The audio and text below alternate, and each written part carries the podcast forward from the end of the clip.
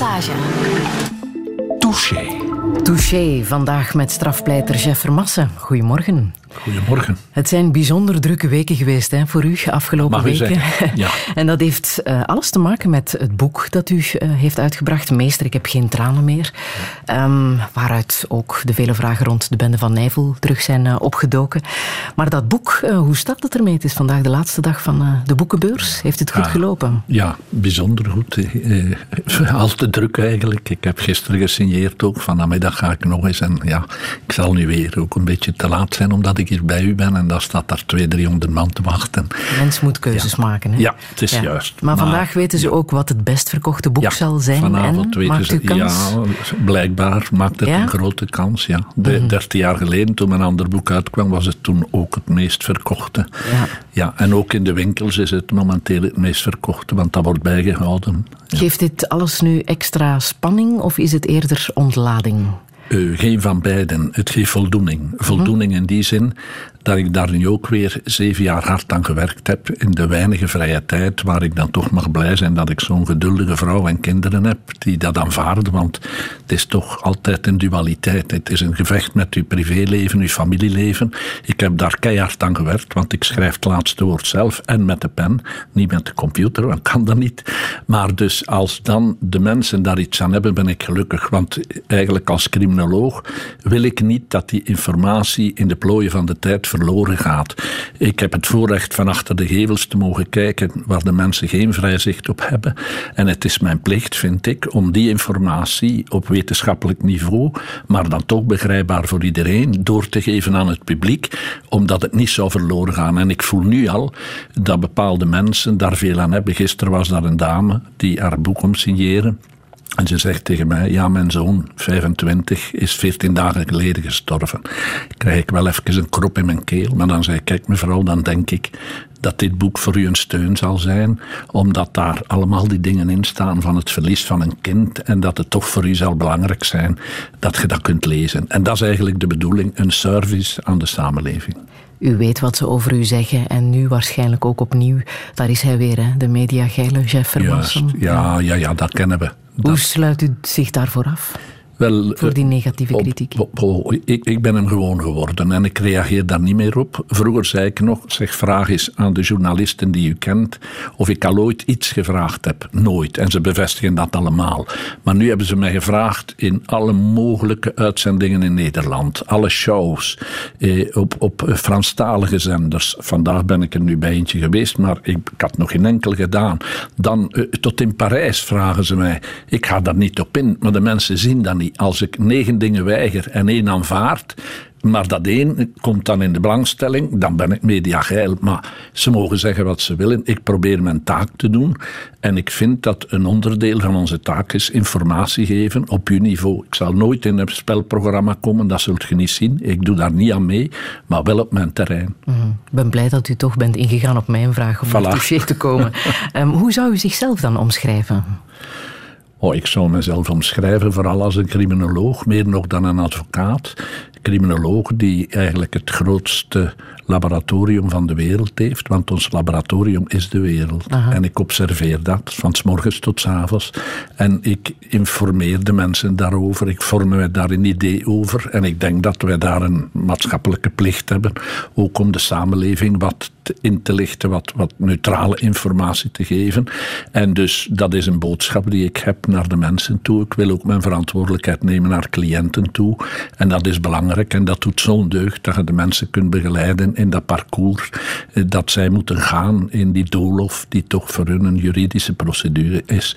En dat geeft heel veel voldoening als je de mensen daar kan in bijstaan en ze daarmee eigenlijk gelukkig zijn is misschien veel gezegd, maar zich veiliger voelen en zich eh, een beetje behoedzamer voelen. Bent u ook de man die justitie een geweten schopt? Ik probeer dat, maar op zachte toon, niet met eh, zware bottinen aan. Omdat dat moet je niet doen. Trouwens, dat past ook niet bij mijn leeftijd. Dat kan je doen als je afgestudeerd bent en mij 68 zit nog in je bloed. Ik heb dat gehad. Maar moest ik dat nu nog doen, zou dat niet correct zijn. En de, de beste kritiek die je kan geven is met humor, want die is vernietigend. Dus je kwaad maken is geen goede oplossing. Dat is een teken van zwakte. Terwijl humor, eh, ja, dat relativeert veel, maar ondertussen kan het heel hard aankomen bij diegene op wie het gericht is. Een emotioneel man, een te emotioneel man zelfs? Ja? Hoe ouder ik word, hoe erger. Ja? omdat ik uh, te veel empathie heb en dat ik ja, mijn gevoelsleven soms niet 100% kan beheersen. En ik vind dat zeer erg. En dan ben ik eigenlijk een beetje gegeneerd dat ik uh, weer een traan in mijn oog krijg. Maar ik schrijf het ook in het boek. Als u mensen voor u hebt die komen vertellen wat ze hebben meegemaakt en dat ze iemand van nabij verloren hebben. En die zitten daar met tanden en ellende, dan is soms het enige goede antwoord meevoelen met hen en niks zeggen en luisteren. En dan denk ik dat een traan daar mag bij komen. Ik ben daar dan niet gegeneerd in, maar wel in het openbaar. Dat vind ik vervelend. Een man met een uh, Tesla ook, hè? Ja, dat, is dat nu niet vreselijk dat dat op het eerste blad van de krant komt, omdat ik zo dom ben van niet te kijken, want dus het is een affront voor Tesla, maar het is het niet, want het is een fantastische auto. Ik heb hem gekocht omwille van de milieuvriendelijkheid, maar het is mijn fout, want ik, had, ik kwam van een wedersamenstelling die een dag en half, twee dagen aan elkaar geduurd had. Dat had gans de dag geduurd. Ik was mijn kluts kwijt, want wat ik daar gehoord heb van ellende, dat had ik nog nooit gehoord. Dus ik zat al niet goed in mijn vel om dat te verwerken. En dan kijk ik natuurlijk niet hoeveel elektriciteit ik nog heb.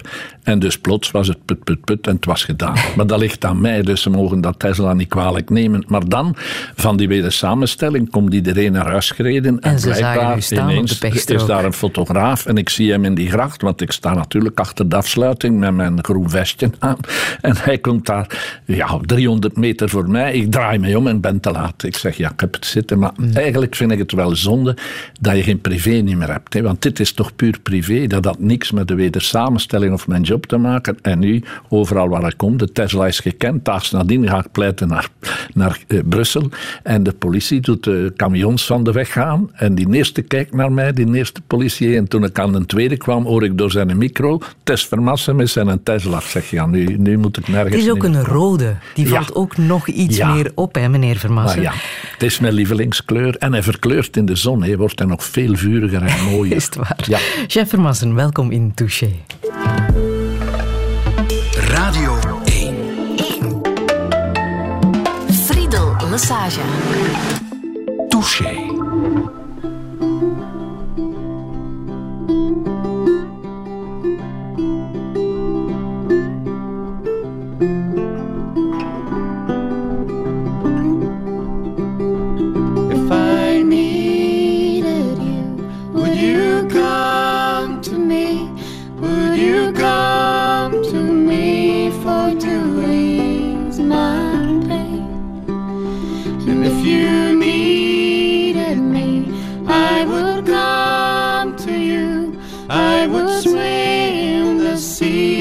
To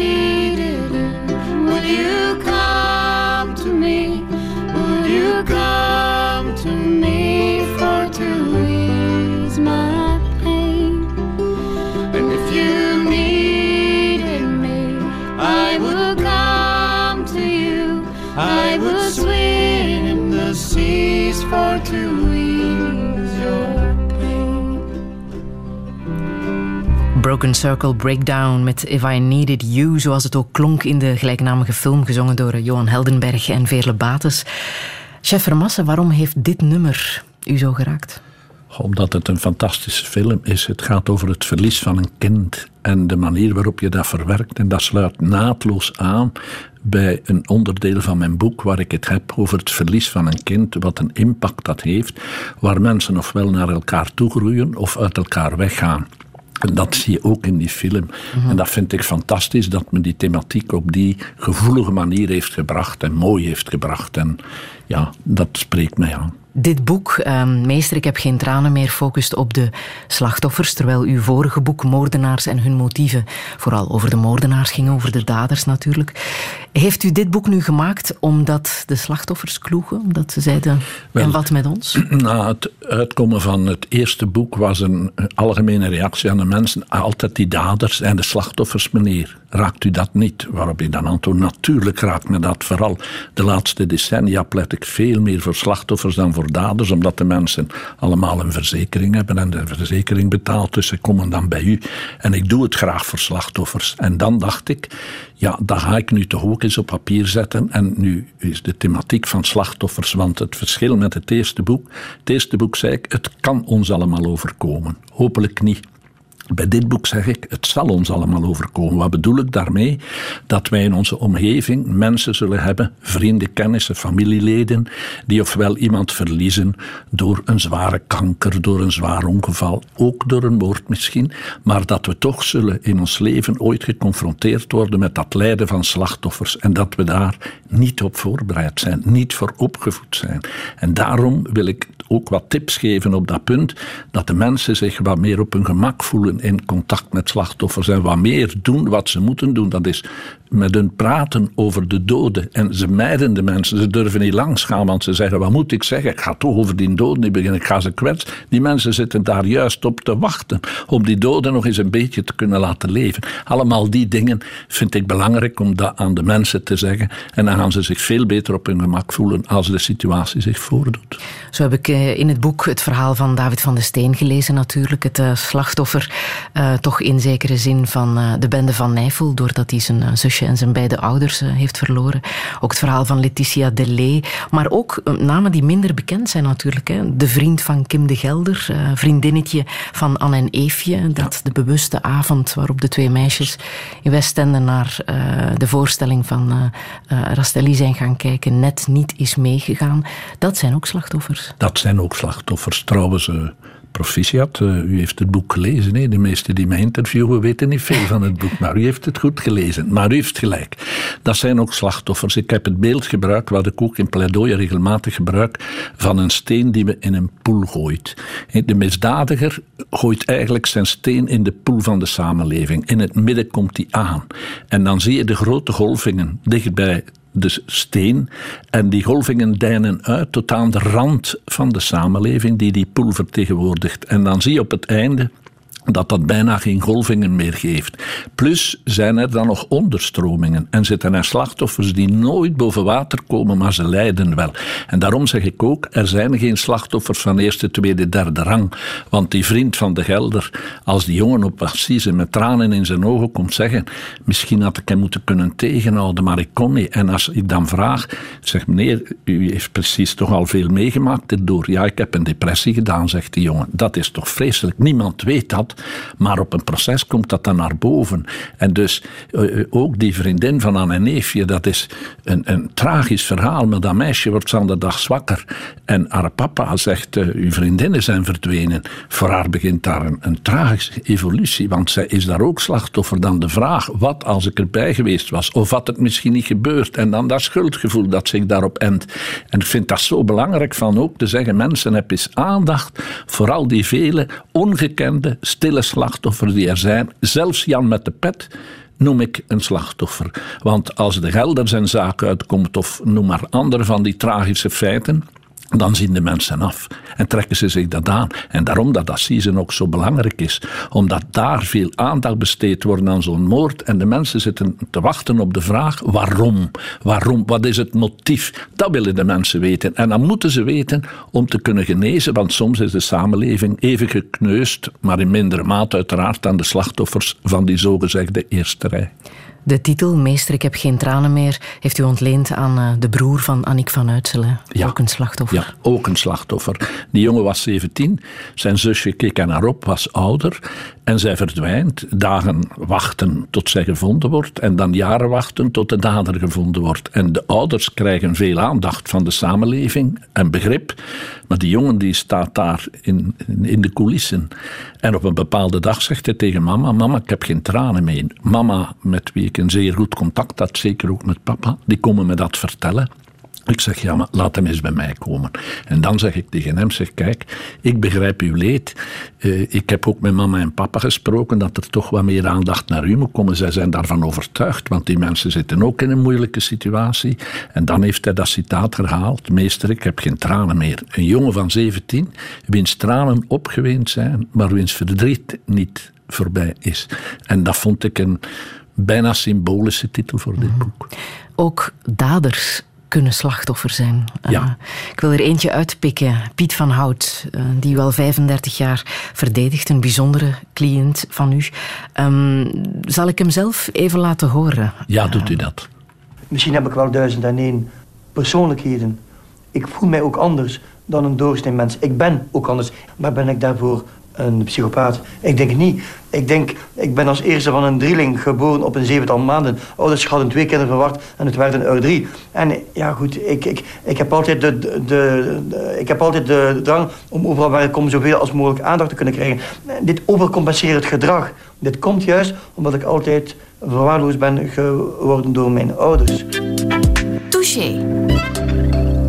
Meesteroplichter Piet van Hout, omschreven als eh, psychopaat, gaf zich uit voor magistraat en nog voor allerlei andere functies die hij nooit uh, heeft gehad. Um, waarom is hij behalve dader ook slachtoffer? Ja, hij is ook slachtoffer omdat hij ook in zijn jeugd heel veel problemen heeft gekend. Hij is dan op een bepaald moment in een instelling terechtgekomen. Hij is daar dan ontsnapt, is dan in Amsterdam terechtgekomen, waar men hem doen spelen heeft in een pornofilm.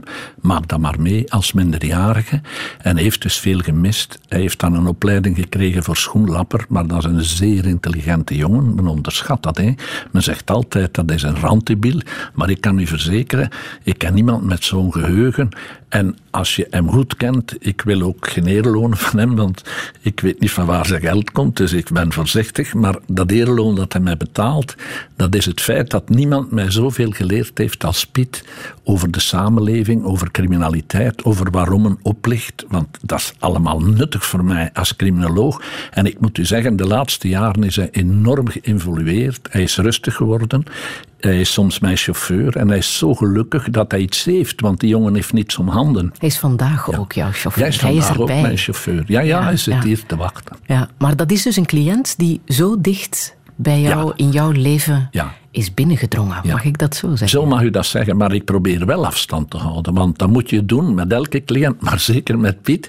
Maar toch ben ik zeker dat ik in zijn leven een invloed gehad heb om hem rustiger te maken, om hem een doel in zijn leven te geven en om door de uitermate vele gesprekken en inzicht te geven van Piet, criminaliteit is geen oplossing, je moet het anders aanpakken. En nu jij ouder wordt, rijper, zachter, nu, nu zijn die streken wat uit zijn lijf, alhoewel ze zitten er altijd nog wel wat in bij een oplichter. Maar men heeft hem toch totaal fout ingecalculeerd. Daar ben ik zeker van. Waarom doet u dit? Waarom laat u hem binnen in uw persoonlijke leven? Wel, omdat bepaalde mensen, daar heb je een zeer goed contact mee. En weet je, daar moet ik iets voor doen, meer dan voor een ander, omdat hij meer in de kou staat. Allee, een week voor zijn verjaardag, hij verjaart in december, een week voordien krijg ik telefoon elk jaar.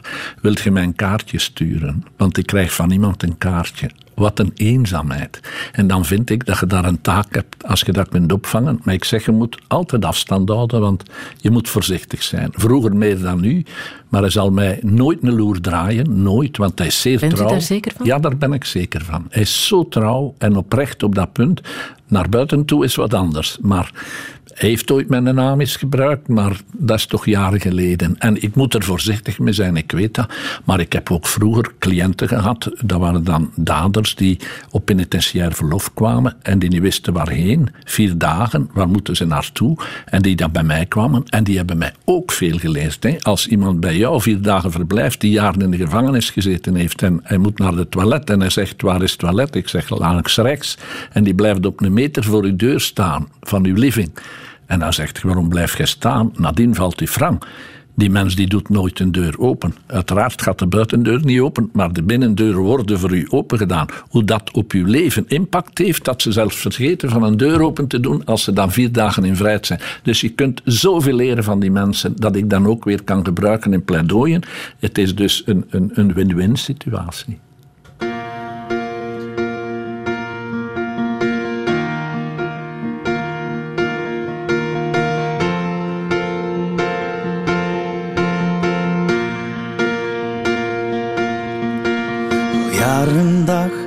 Leef ik voor jou.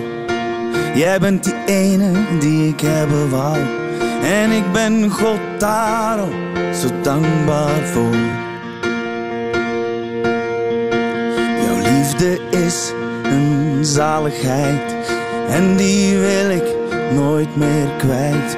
Daarom geef ik jou iets tot in de eeuwigheid.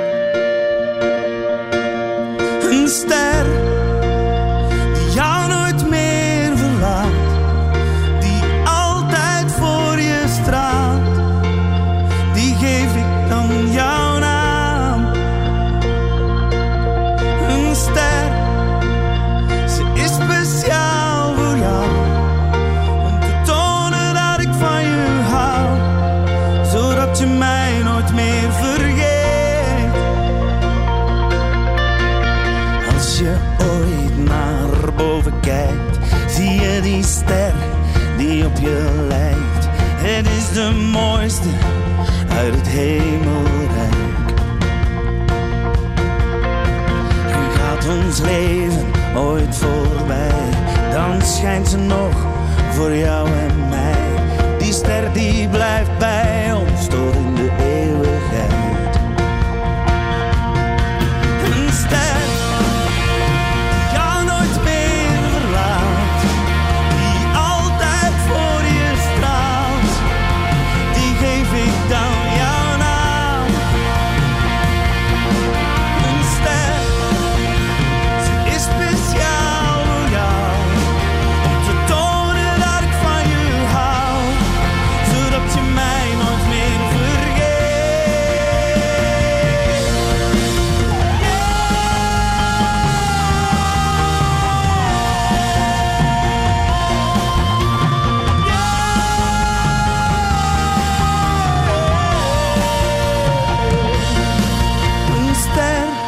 ster van Stan van Samang. Eh chef Vermassen, dat moet je toch even uitleggen waarom je deze plaat hebt Beetje romantische gekozen. keuze. Hè? Ja. Nee, waarom? Een, een ster vind ik op zich al belangrijk. Eh, wij we zijn kosmische wezens en we beseffen dat niet genoeg. En als je je kosmisch voelt, dan heb je een kleine plaats in die grote ruimte, maar die belangrijk is. En eh, een paar van mijn kleinkinderen, een andere opa, is gestorven door een hartaanval. En sindsdien, als het mooi weer is, dan kijken ze s'avonds voor ze gaan slapen naar de hemel en zeggen ze, daar is hij, die ster. Een ster heeft dus een functie. In dit liedje is de ster eigenlijk het symbool van de samenhorigheid tussen een echt paar of een paar of eh, twee partners. Het is om het even. En dus ik vind dat zo schoon dat je in een lied zegt, dat is onze ster en wij zullen er niet meer zijn, maar de ster zal er nog zijn. Ik vind dat prachtig als beeld eh, van de samenhorigheid van man en vrouw in mijn geval. Wie van jouw uh, familie zijn de belangrijkste sterretjes aan de hemel? Ja, de, de kleinkinderen natuurlijk. Ik heb al vijf kleinkinderen en mhm. vier dochters. En uh, dat warmt mij zo op. Uh, zeker als het proces is waar kinderen gestorven zijn, dan moeten ze het weekend erop op mijn schoot komen zitten om met te troosten. Hè. Mhm. Ouders, hoe belangrijk zijn je ouders? Zeer belangrijk, maar ze zijn overleden. Ja, mhm. maar ik heb daar veel aan gehad. Ik had een heel zachtaardige moeder die dan op het einde dementeerde.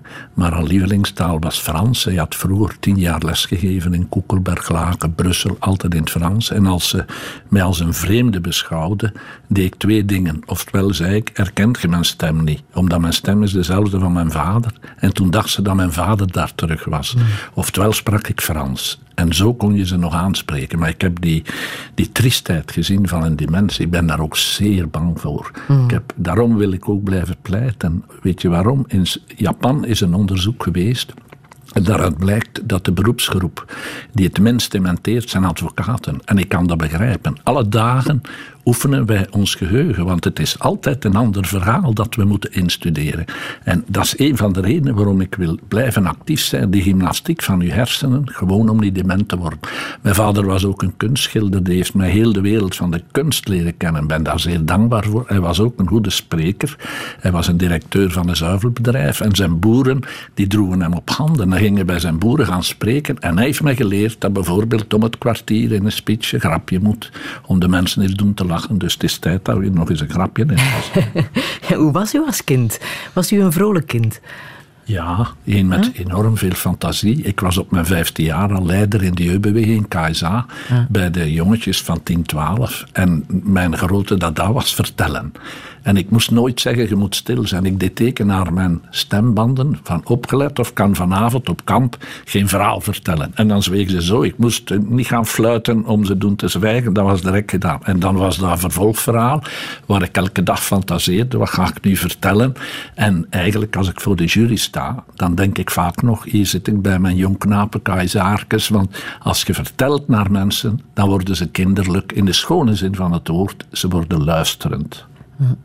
Het gevoel voor rechtvaardigheid, waar heeft u dat vandaan? Ja, dat heb ik wel van mijn ouders gekregen. Dat moet ik toegeven.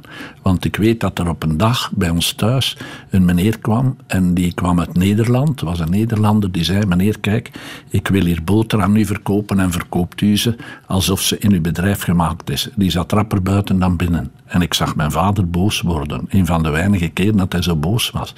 En dat was omwille van zijn rechtvaardigheid. ik vind dat enorm. Ik heb dat meegekregen. Ik vind dat een heel groot cadeau. En ik streef daar ook naar in mijn leven. Ook mhm. naar cliënten toe, ook naar de, de rechtbank toe. Moeten wij naar recht streven en rechtvaardigheid met recht laten overeenkomen, wat niet altijd lukt.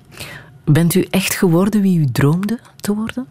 Ja, op één punt na niet. En eh, ik had een academische carrière oorspronkelijk voor het oog. Vandaar ook dat ik altijd maar bijstudeerde. De rechten, criminologie, notariaat, nadien seksuologie. En ik wou eigenlijk aan de universiteit in Leuven blijven en daar mijn toekomst uitbouwen. Maar ik had zodanig vlug, zoveel werk, dat dat niet ging.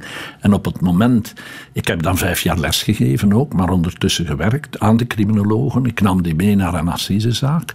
Zij mochten die volledig volgen en ik pakte dan een zaak uit die een vrijspraak werd, waar ik vermoedde dat komt goed. En dan heb ik geweest dat de vrijgesprokene mee les kwam geven in Leuven. En één heeft zelfs mee het examen afgenomen, want zij moesten een werk maken over dat proces.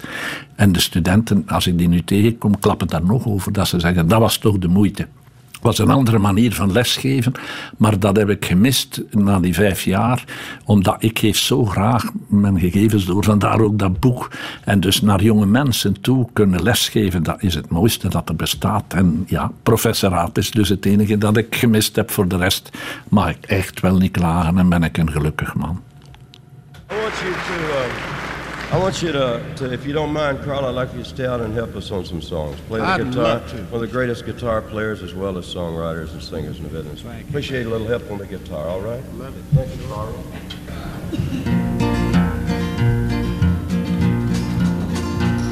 Well, my daddy left home when I was three, and he didn't leave much to Ma and me. Just this old guitar and an empty bottle of booze. Now, I don't blame him because he run and hid, but the meanest thing that he ever did was before he left, he went and named me Sue. Well, he must have thought that it was quite a joke, and it got a lot of laughs from a lots of folks. It seems I had to fight my whole life through. Some gal would giggle and I'd get red, and some guy'd laugh and I'd bust his head. I'll tell you, life ain't easy for a boy named Sue. Well, I grew up quick and I grew up mean. My fists got hard, my wits got keen. Roamed from town to town to hide my shame. But I made me a vow to the moon and stars I'd search the honky tonks and bars and kill that man that give me that awful name. Well, it was Gatlinburg in mid July, and I'd just hit town and my throat was dry. I thought I'd stop and have myself a brew. At an old saloon on a street of mud, there at a table, dealing stud, sat a dirty mangy dog that named me Sue. Well, I knew that snake was my own sweet dad from a worn out picture that my mother'd had, and I knew that scar on his cheek and his evil eye. He was big and bent and gray and old, and I looked at him and my blood ran cold, and I said, My name is Sue. How do you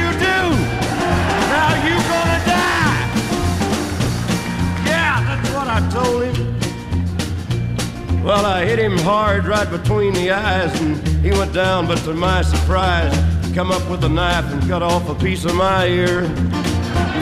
But I busted a chair right across his teeth, and we crashed through the wall and into the street, kicking and a gouging in the mud and the blood and the beard.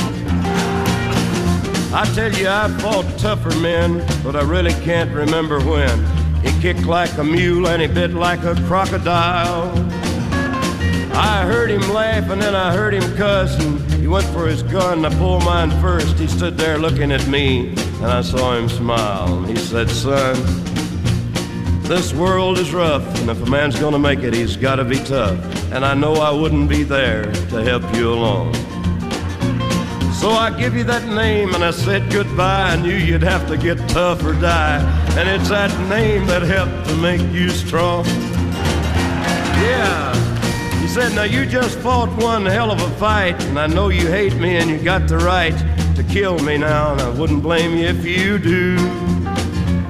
But you ought to thank me before I die for the gravel in your guts and the spit in your eye, cause I'm the son of a bitch that named you Sue. Yeah, well, what could I do? What could I do? I got all choked up and I threw down my gun, called him a paw and he called me a son, and I come away with a different point of view. And I think about him now and then, every time I try and every time I win. And if I ever have a son, I think I'm gonna name him Bill or George, any damn thing but Sue. I still ain't that A Boy Named Sue van Johnny Cash live in eh, St. Quentin, de gevangenis. Daar heeft hij ook eh, een cd opgenomen. En Jeff Vermassen, ik wist dat ik u hiermee een plezier kon doen. Ja, ja, want ik had hem dit nummer heeft een betekenis hè, Ja, voor ik had hem eerst nog op het lijstje willen zetten, maar u heeft het nu gedaan, goed gevoeld. Ja, dat heeft een grote betekenis voor mij. Ik zat in de retorica en wij hadden zo toch een kleine blokperiode toen al.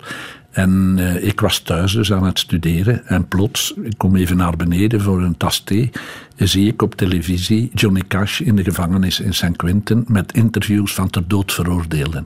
Dat heeft mij zo aangegrepen dat ik toen dacht, ja, ik moet advocaat worden, want dit kan niet ter dood veroordelingen. Als je nu ziet dat deze week weer beslist is dat een demente man die blind is, omdat hij zoveel jaar geleden een politieagent gedood is, wat natuurlijk vreselijk is, maar dat hij nu moet geëxecuteerd worden. Die mens gaat zelfs niet weten wat hem overkomt.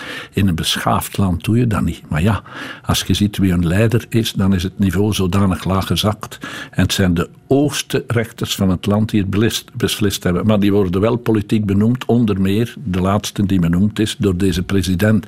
Maar dit is geen niveau. Toen, als ik dat gezien had met die ellende van mensen die 7, 8, 10 jaar wachten op een executie, die enorm veranderd zijn intussen, die soms mens geworden zijn. En je gaat ze dan nog dood doen, dan zeg ik nee, dat kan niet. Ik moet advocaat worden. En Johnny Cash heeft me daar dus in gesteund, eh, zonder dat hij het weet. Dat. Nu, uit de resultaten van eh, de grote levensvragen, ik weet niet of u dat een beetje heeft kunnen volgen, blijkt dat één op de twee mensen ehm, de doodstraf wil voor moordenaars. Ja, dat is nog het. steeds een gevoel, zelfs bij ons. Ja. Wat dacht u toen u dat hoorde? Ja, eh, ik weet dat dat zo is. En ik moet dat ook aanvaarden. In die zin dat mensen zo gechoqueerd zijn door dat grote onrecht dat gedaan is, dat zij eigenlijk een stille wraak, maar zoren, dat wordt niet graag, een stille wraak willen, een vergelding noemen wij dat dan. Terwijl mij opvalt dat de mensen die daar heel dichtbij betrokken zijn en die zelf iemand hebben verloren, zeggen, daarmee krijg ik bijvoorbeeld mijn kind niet terug. En die daar eigenlijk wel veel meer afstand van nemen dan de mensen die, ja, Jan Publiek, die dat inderdaad wil als een soort vergelding. Maar in mijn volgende boek, maar dat is voor over vijf jaar, gaat zeker een hoofdstuk komen over de doodstraf. Want ik wil daar echt met al mijn argumenten naar voren brengen om te zeggen, jongens, probeer in te zien dat je dat niet doet als samenleving. Want dat is geen straf, dat is geen straf, dat is doodslag. Want eh, eh, de, de, de basiselementen van een straf zijn vergelding, maar ook je moet het beter doen. Als je iemand dood doet, kan het niet meer beter doen. Wij weten ook niet wat er na het einde van het leven nog is. Er is wel eentje die zichzelf verkocht had eh, op een bepaald ogenblik in Amerika, daar kan alles. Hè. En dus die werd geëxecuteerd op de elektrische stoel en een, een specialist geneesheer was een lijk open, maar zegt, kijk, ik ga je proberen weer levend maken. En hij had de cipiers omgekocht en ze hebben die zodanig vlug naar de zogenaamde lijkwagen gebracht, die eigenlijk een operatietafel was. En die man is weer niet tot leven gekomen, want dat kan niet als je dood bent. Hij was nog niet dood, maar ze hebben hem weer bij bewustzijn gebracht. En die man heeft ofwel zelfmoord gepleegd of heeft zich doodgedronken, gewoon omdat hij niet kon leven met het beeld van zijn executie.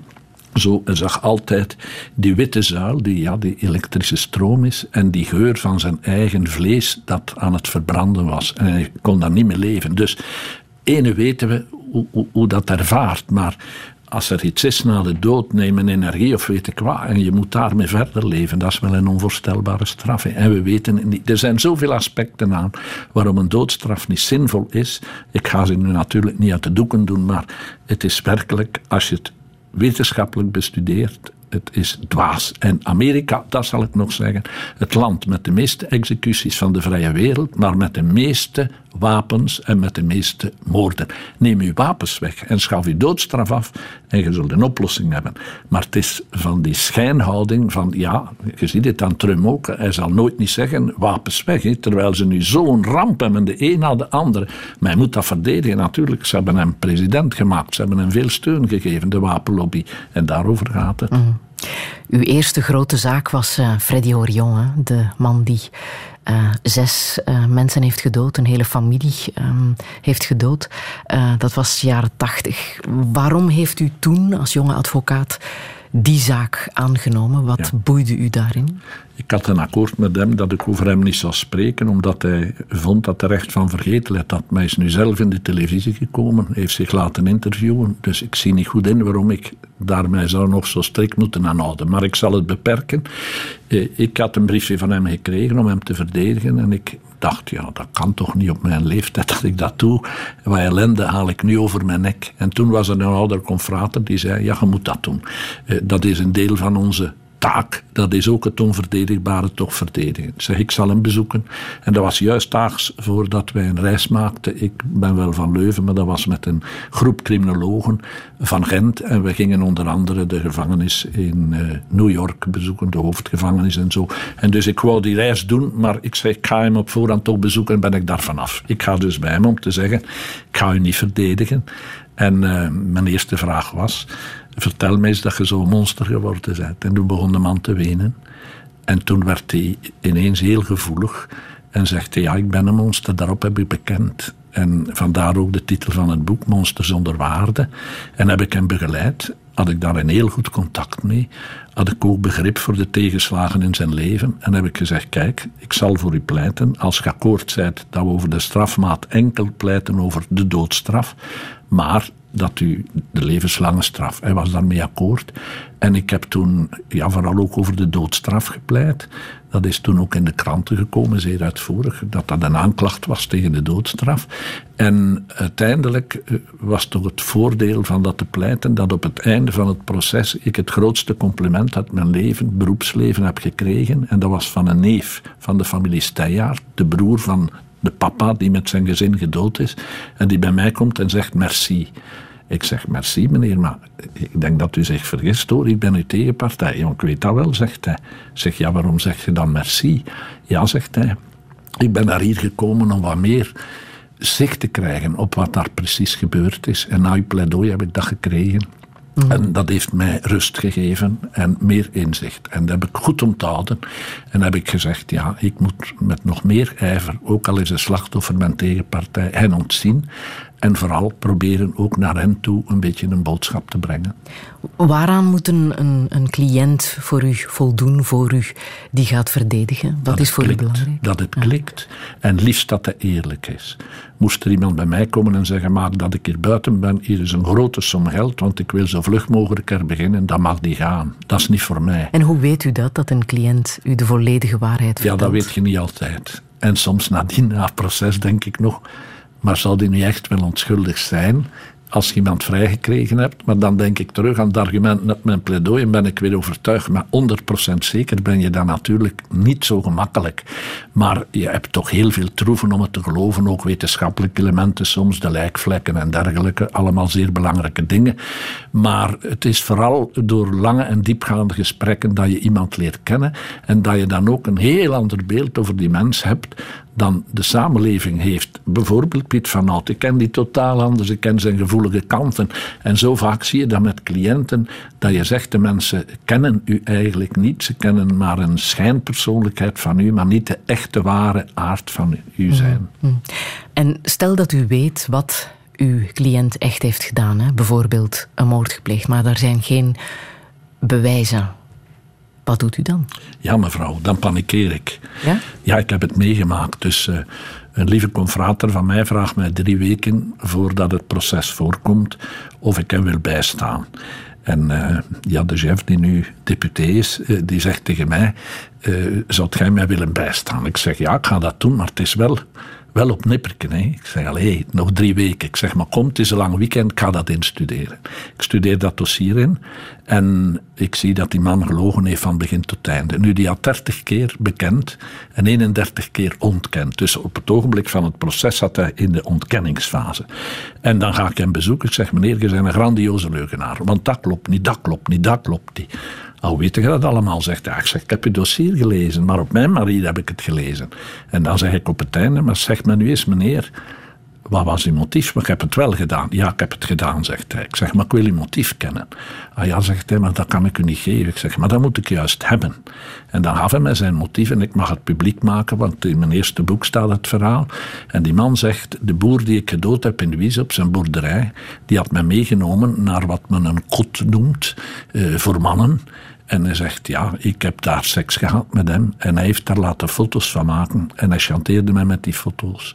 En hij zei, als je nu trouwt, want hij ging trouwen, dan maak ik die foto's over aan uw vriendin. Ik zeg, ja, maar als ik dat kan pleiten, dat is een, dat is een vrijspraak, dat is artikel 71, stel u dat voor. Ah ja, zegt hij, ik doe hem dood, omdat het niet zou uitkomen en jij gaat het nu pleiten, terwijl mijn vrouw op deze terrein zit, dat gaat ook niet. Dus ik mocht het niet zeggen. Ik ben onmiddellijk naar mijn stafhouder gereden. En stafhouder is in het leven van een advocaat iets zeer belangrijk. Die is daar niet alleen om te sanctioneren, die is daar om u bij te staan. Nu ook heb ik weer een zeer goede stafhouder waar ik altijd bij kan om raad. En een ander kan het vanuit een ander ooghoek bekijken dan u. Dus ik kom bij meester Mortier, Sint-Niklaas, de oude Mortier, want zijn zoon is intussen ook al stafhouder geweest. En ik zeg, meneer stafhouder, wat moet ik doen? Ik vertel heel dat verhaal en hij zegt tegen mij: Kijk, zegt hij, je mocht er nu niet terugtrekken. Ten eerste voor meester Chef want dan staat hij er weer alleen voor. Ten tweede, je hebt al de naam als je het niet wilt pleiten dat een dader schuldig is. Dus dat mocht je ook niet doen. Maar wat je moet pleiten is niet, hij heeft het niet gedaan. Je moet pleiten, is het voldoende bewezen dat hij het gedaan heeft. En vanuit die invalshoek brengt u de argumenten aan die erop wijzen dat het misschien niet bewezen is. Ik moet zeggen, het was een zeer goede raad, maar ik was wel zeer blij dat hij veroordeeld is. Dus we hebben ook ons geweten.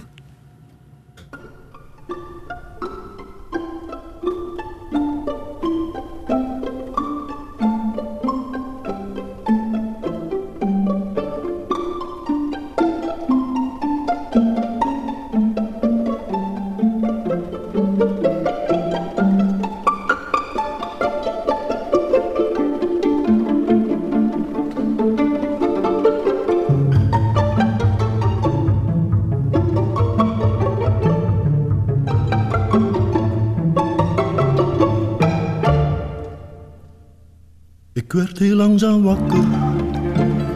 Ik wreef mijn ogen uit. Ik werd heel langzaam wakker. Ik wreef mijn ogen uit. Ik kon het niet geloven. Maar voor de vensterruit viel zacht naar beneden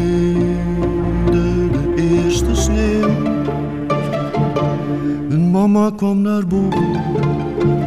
Het is tijd om op te staan. Mijn mama kwam naar boven. Kom, trek je kleren aan. Mama, lieve mama. Kijk eens naar beneden. Ga je met me mee in de eerste sneeuw?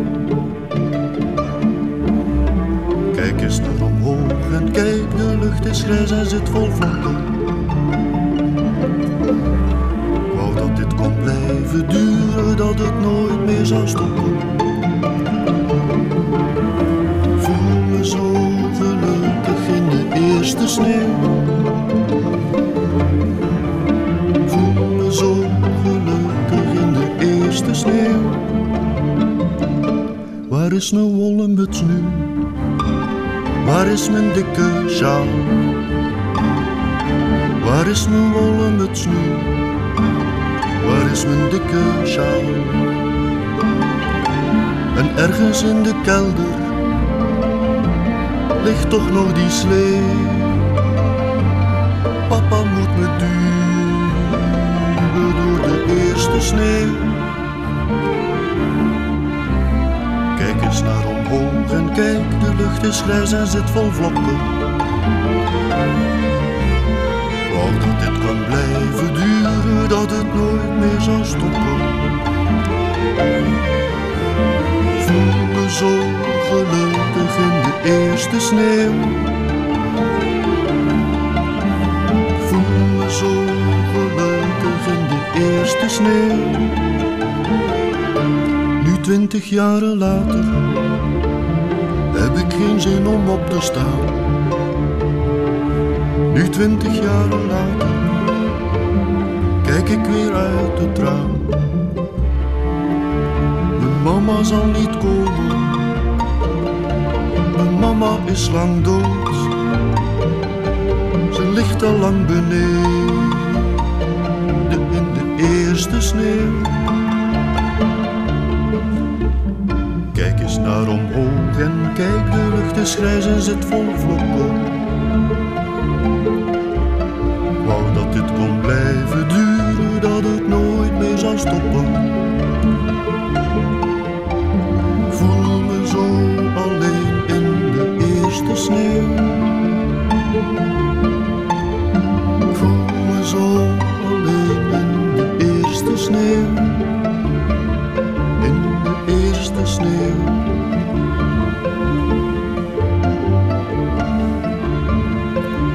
Eraan te komen, die eerste sneeuw. Maar dat is niet de reden waarom ik dit nummer laat horen, chef Vermassen.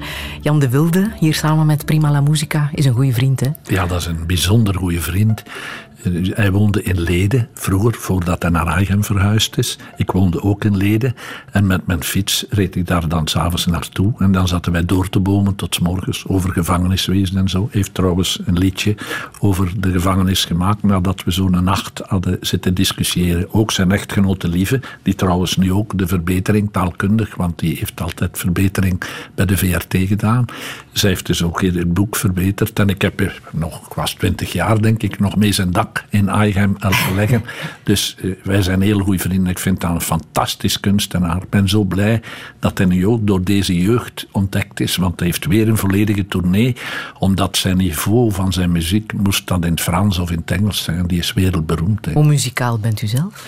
Nee, niet erg. Nee. Mijn vrouw is het, mijn moeder was het enorm.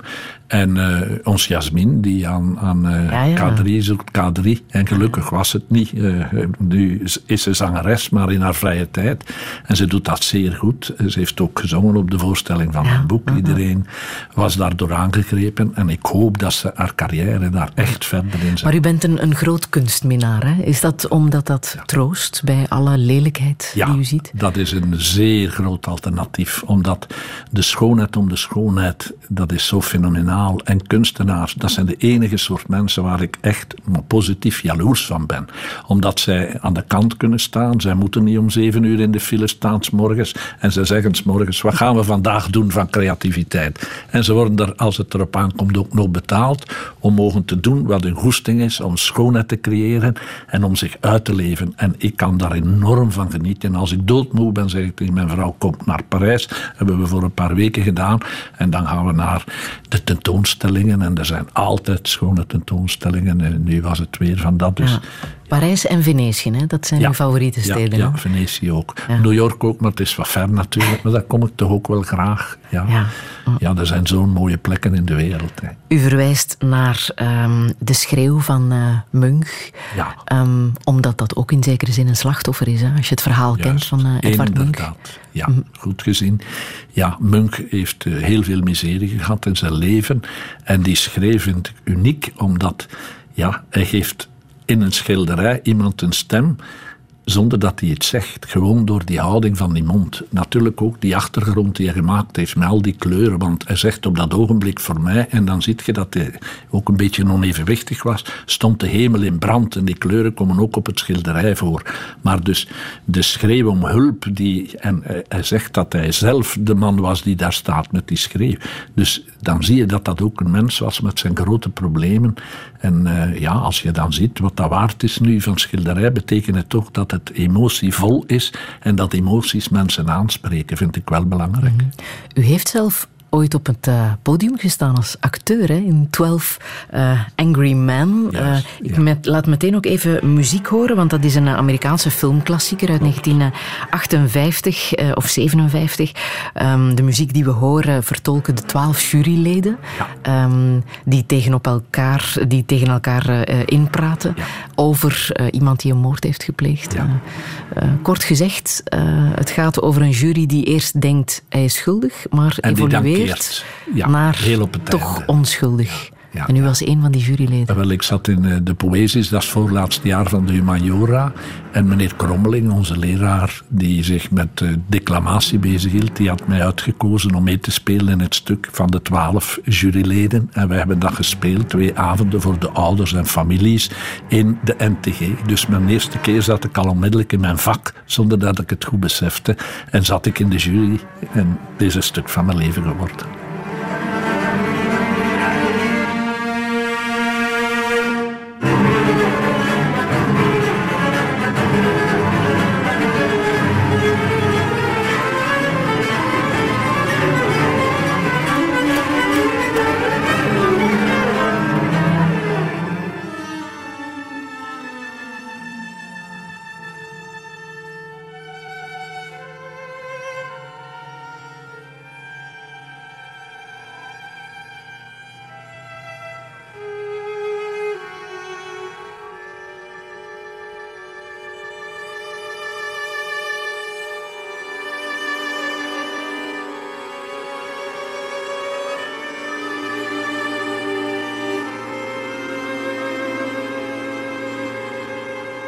Fascinerend hoe die twaalf cello's met elkaar praten als eh, twaalf juryleden. Eh, de soundtrack dus van eh, 12 Angry Men, muziek van eh, Dean Brad.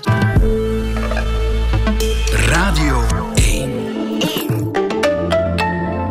Friedel Lesage. Touché. Touché met strafpleiter Jeff Vermassen. Hij heeft zo net zijn tweede boek uit. Meester, ik heb geen tranen meer. Misschien, en dat zal vanavond blijken, het best verkochte boek van uh, deze boekenbeurs. Terwijl in zijn vorige boek alle aandacht ging naar de daders, focust hij nu op de slachtoffers.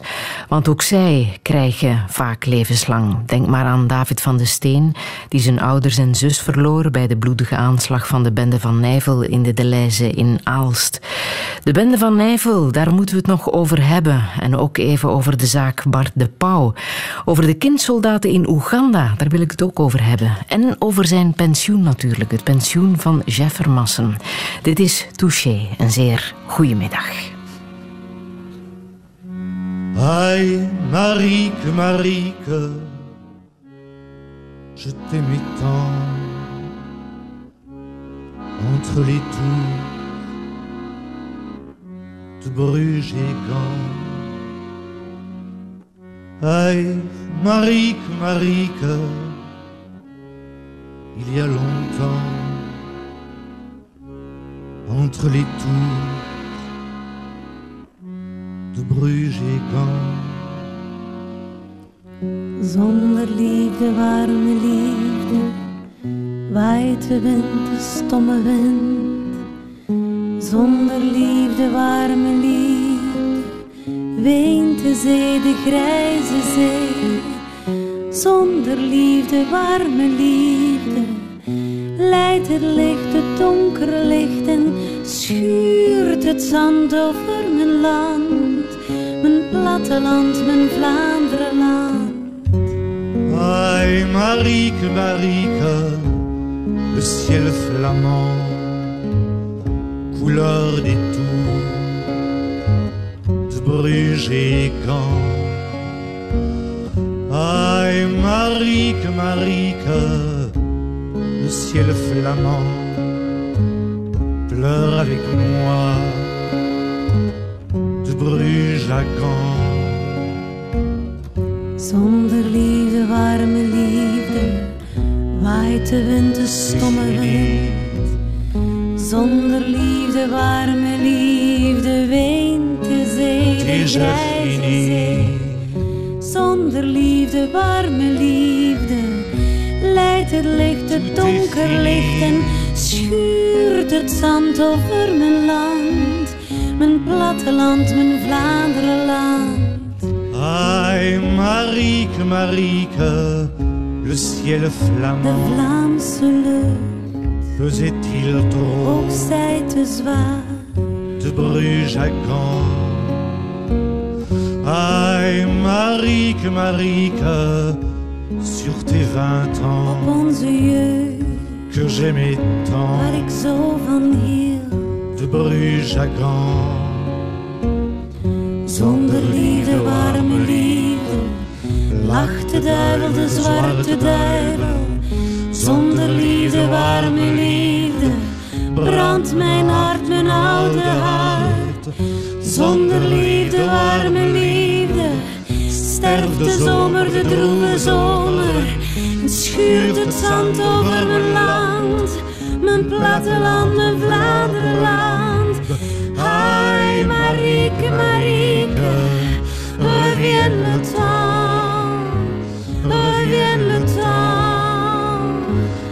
bruche et gants.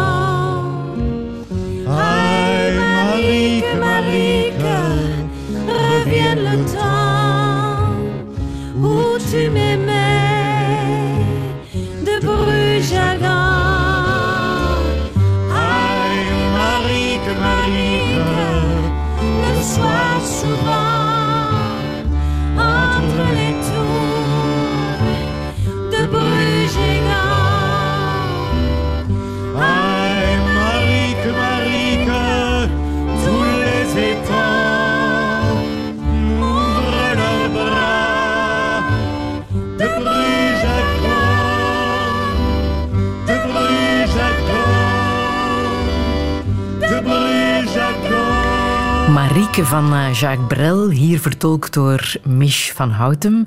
En uh, een neef van Jacques Brel, Bruno Brel. Chef waarom wou u deze versie absoluut laten horen? Dat Mich en scène is in Vlaanderen uh, vertoond geweest een paar jaar geleden. Mijn vrouw en ik zijn daar zelfs twee keer naartoe gegaan, omdat het zo prachtig was. En dat is de dame die vooral in Amerika Jacques Brel zingt en hem bekend maakt in dat continent. En hier was het mooie dat een paar nummertjes met Bruno worden gespeeld. Dat is de neef van Jacques Brel.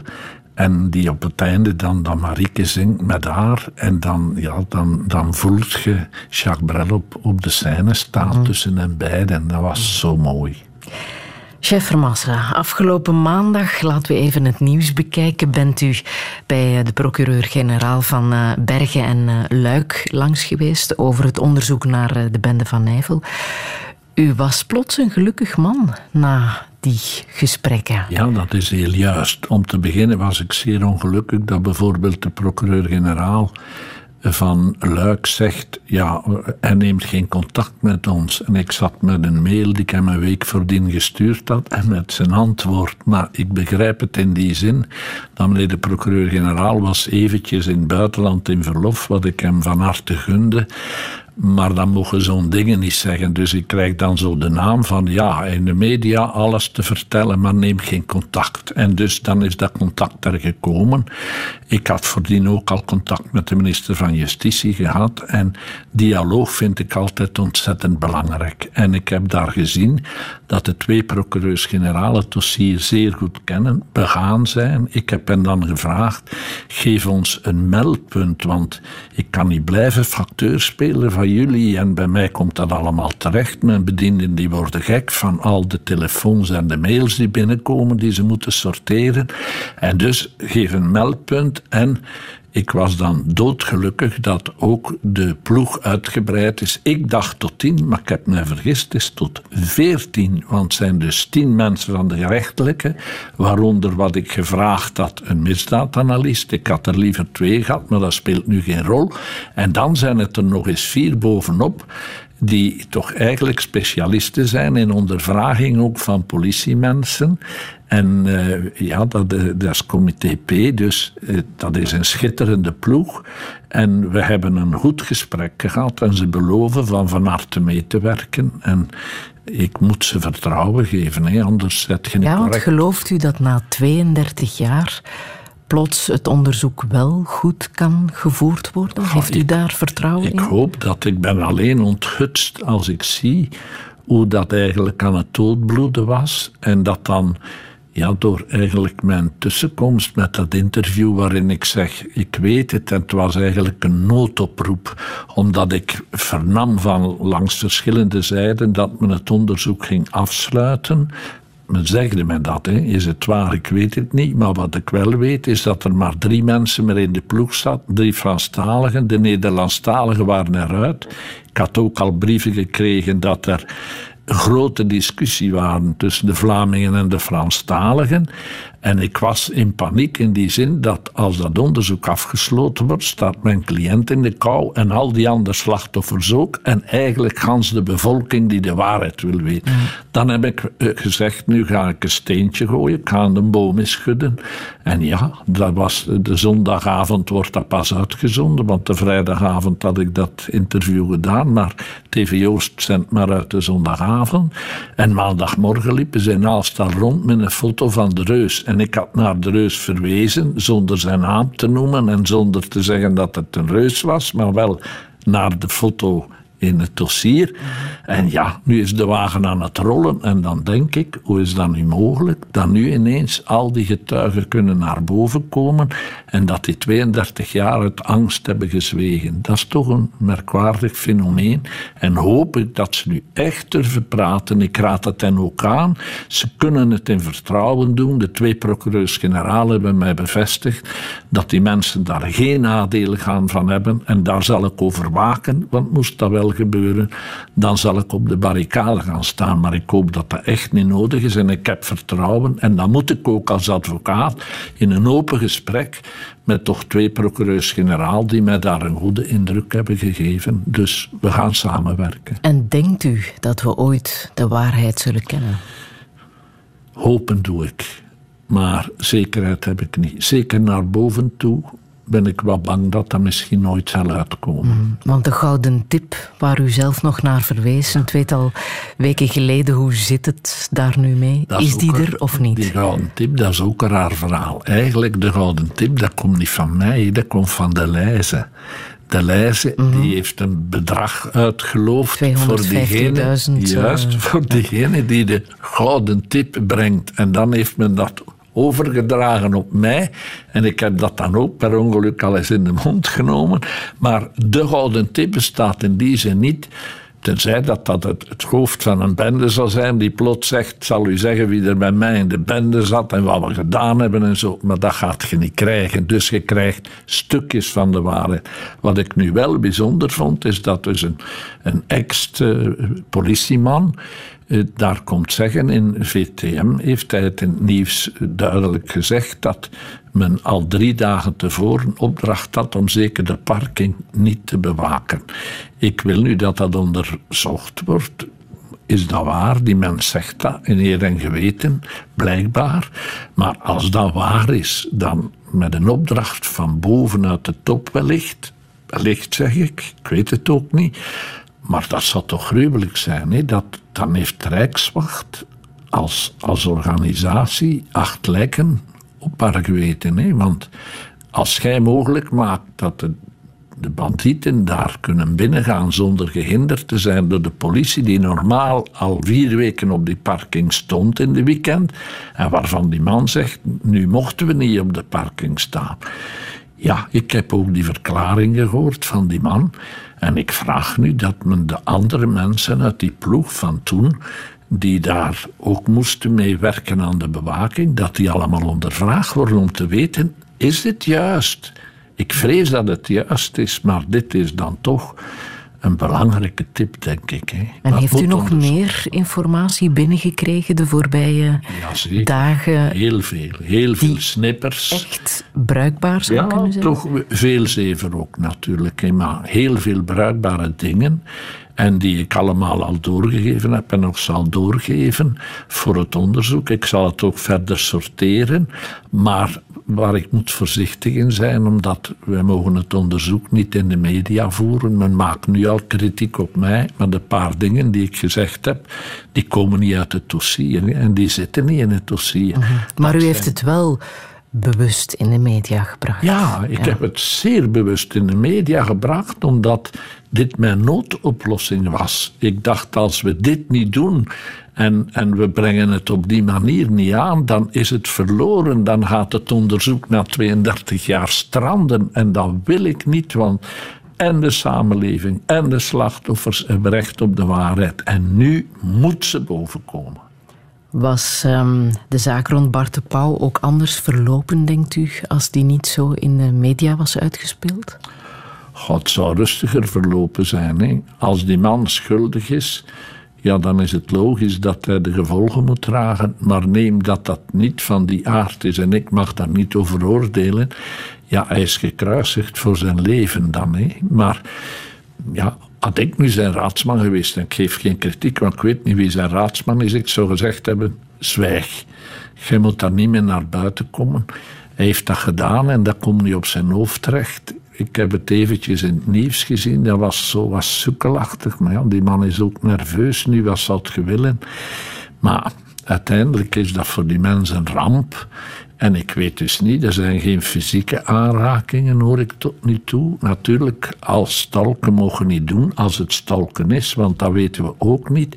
En ik vind dat ik als advocaat dubbel voorzichtig moet zijn, omdat ik altijd zie in dossiers waar ik zelf het dossier ken, hoe onvoorzichtig mensen een opinie vormen die niet gesteund is op de realiteit. Dus ik moet diezelfde fout niet maken.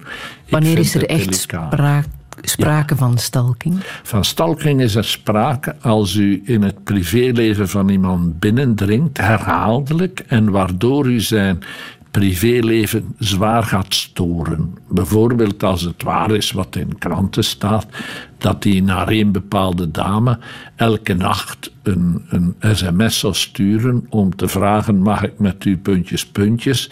Ja, dat is stalking, hè? omdat als het waar is, hè? omdat het dan over een jaar gaat. En als je dus 20, 30, 40 of 100 keer iemand s'nachts lastig valt, dan ben je aan het stolken. Dat is duidelijk. Maar ik weet niet of het gebeurd is. Maar ik geef u de definitie van stalking. Mhm. Stel dat u de raadsman was van slachtoffers in een zaak als deze, wat zou u hen aanraden?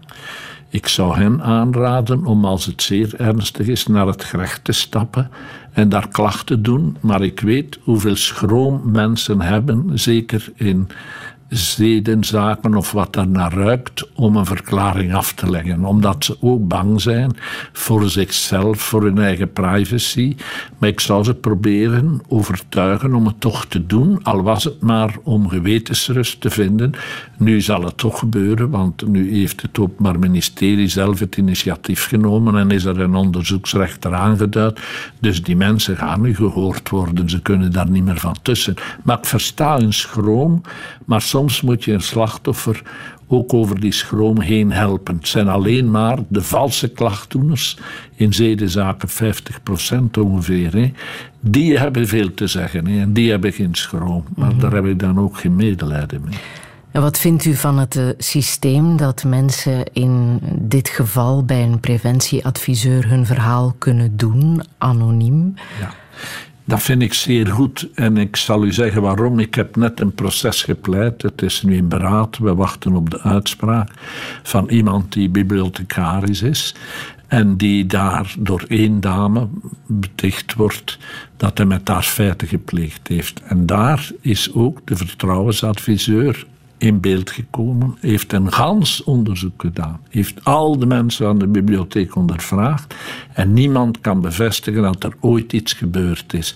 En dat is nu eigenlijk de basis geworden, het fundament van een pleidooi om te zeggen: dit is niet gebeurd. Want in die fase, dat is een fase waar mensen gemakkelijker spreken, omdat dat niet is met een procureur en niet is met een politieman, maar met een vertrouwenspersoon die precies aangesteld is om die zaken naar boven te brengen en die daar dus ook in gespecialiseerd is. En als daar de mensen zeggen het is niet gebeurd, ja, dan sta je toch wel sterk. Toch blijven mensen schroom hebben hè, om effectief uh, hun verhaal te doen, uh, zich bijvoorbeeld burgerlijk partij te stellen. Heeft dat met de Vlaming te maken? Of het heeft een stuk met de dat? Vlaming te maken, maar ook met de angst, ik zal niet geloofd worden. Heel veel verkrachtingen worden nooit aangebracht omdat ze denken, ja, maar ze zullen me niet geloven en wie weet ga ik niet verantwoordelijk geacht worden enzovoort. Maar het heeft ook met het Vlaming zijn te maken. Ik heb een proces gehad waar twee ouders in een hotel, Hotel de la Gare in Aalst, ik was voor de dame die het hotel uitbaat, een burgerlijke partij, hun twee kindjes in het hotel hebben vermoord. En op het proces komt er naar voren dat ze die kinderen eigenlijk ook al zwaar toegetakeld dan, om niet te zeggen mishandeld vroeger. En de buren komen getuigen op assisen. Ja, we hebben dat gehoord. En dan stel ik de vraag, maar waarom bent u niet naar de politie gegaan? Ja, meneer. Elk in zijn huis zagen. He. En dat is de ondertoon van wij Vlamingen moeien ons daar niet mee. Waardoor we soms tekortschieten door iets niet aan te geven. En dat zit wel een beetje in ons, denk ik. Zo van, ja, heel plezier, veel plezier maken aan de tapkast. Maar als het privé wordt, dan, dan mengen we ons niet. En soms schieten we daarin tekort. En heeft zo'n actie als MeToo dan geholpen? De hashtag... Uh actie MeToo? Ja, dat zou kunnen. Dat dat alleszins een, een openbaring brengt en alle middelen die gebruikt worden om mensen te overtuigen van toch te spreken, zeker nu ook, bendedossier. Allee, al die mensen die in het onderzoek zaten, die, die zeggen, ja, we zijn gehinderd, dan moeten ze dan durven komen zeggen. Ik vind dat belangrijk, want zo pas gaan we de waarheid weten. Maar het slaat ook wel eens over naar de andere kant. Die kritiek Ja, wordt ook eh, genoemd. Hè? zeker. Zeker en vast. En de middenweg vinden is altijd moeilijk. En we zien dat dikwijls dat de slinger overslaat. Velen zeggen ook slachtofferisme. Dat woord is ook iets nieuws. Hè. Is dat En- ieders verantwoordelijkheid om heel goed te weten wat we zeggen, wat we aanklagen, wat we op Ja, tafel leggen? Dat is belangrijk. En wij moeten de mensen daar ook voor waken. Dat ze geen dingen gaan zeggen die niet waar zijn, want dan maken ze zichzelf schuldig aan vervolging. Dat En ieder voor zich ook. zo dicht Ja, mogelijk bij de waarheid ja, blijft. dicht bij de waarheid. En, Mhm. en het zo genuanceerd mogelijk brengen en niet overdrijven. Want dat is ook zoiets. Hè. Mhm. Dat, dat weet u natuurlijk, dat hoort u. Ja, ja, dat horen we regelmatig ook van tegenpartijen. Soms is dat onze redding. Een klacht van seksueel misbruik naar de kinderen toe die niet waar is. En de moeder gaat die klacht doen. En in de loop van het onderzoek zie je dat ze het altijd maar zwaarder maakt. En op den duur gaat ze verklaren, "Nee, heeft mij ook verkracht. En dan is het wel een brug te ver. En zo kan je dan soms de vrijspraak krijgen van een onschuldig persoon, omdat ze zichzelf indraaien door alsmaar meer te overdrijven.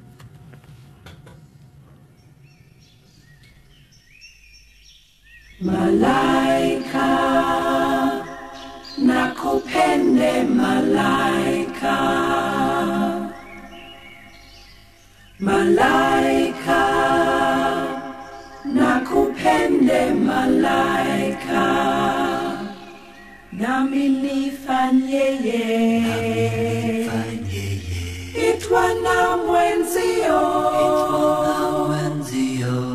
kushindwa la mali sina we. Ningekuoa malaika. Washindwa la mali sina we. Ningekuoa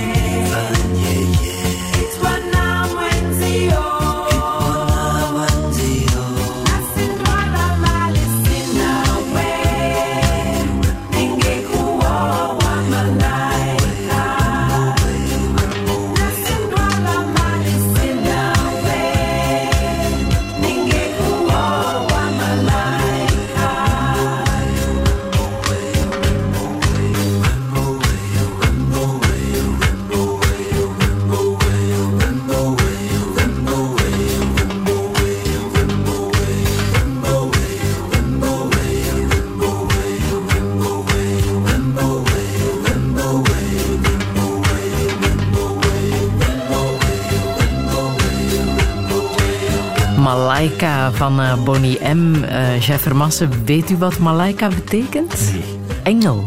Ah, bon? Ja, dat is een uh, liedje als ode aan de en, engel. Of en, mooi meisje, dat en kan ook. Kente Yakitoko, dat is mooi meisje. dat kan ik, ja. in Congo heb ik ja, dat. Maar u heeft dit nummer gekozen, hè? waarom precies? Ja, ah, omdat Afrika, dat is ja, mijn tweede leven.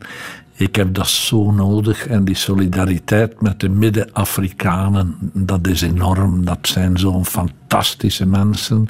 Ik heb daar zoveel mogen leren en ik heb daar ook zoveel kunnen doen.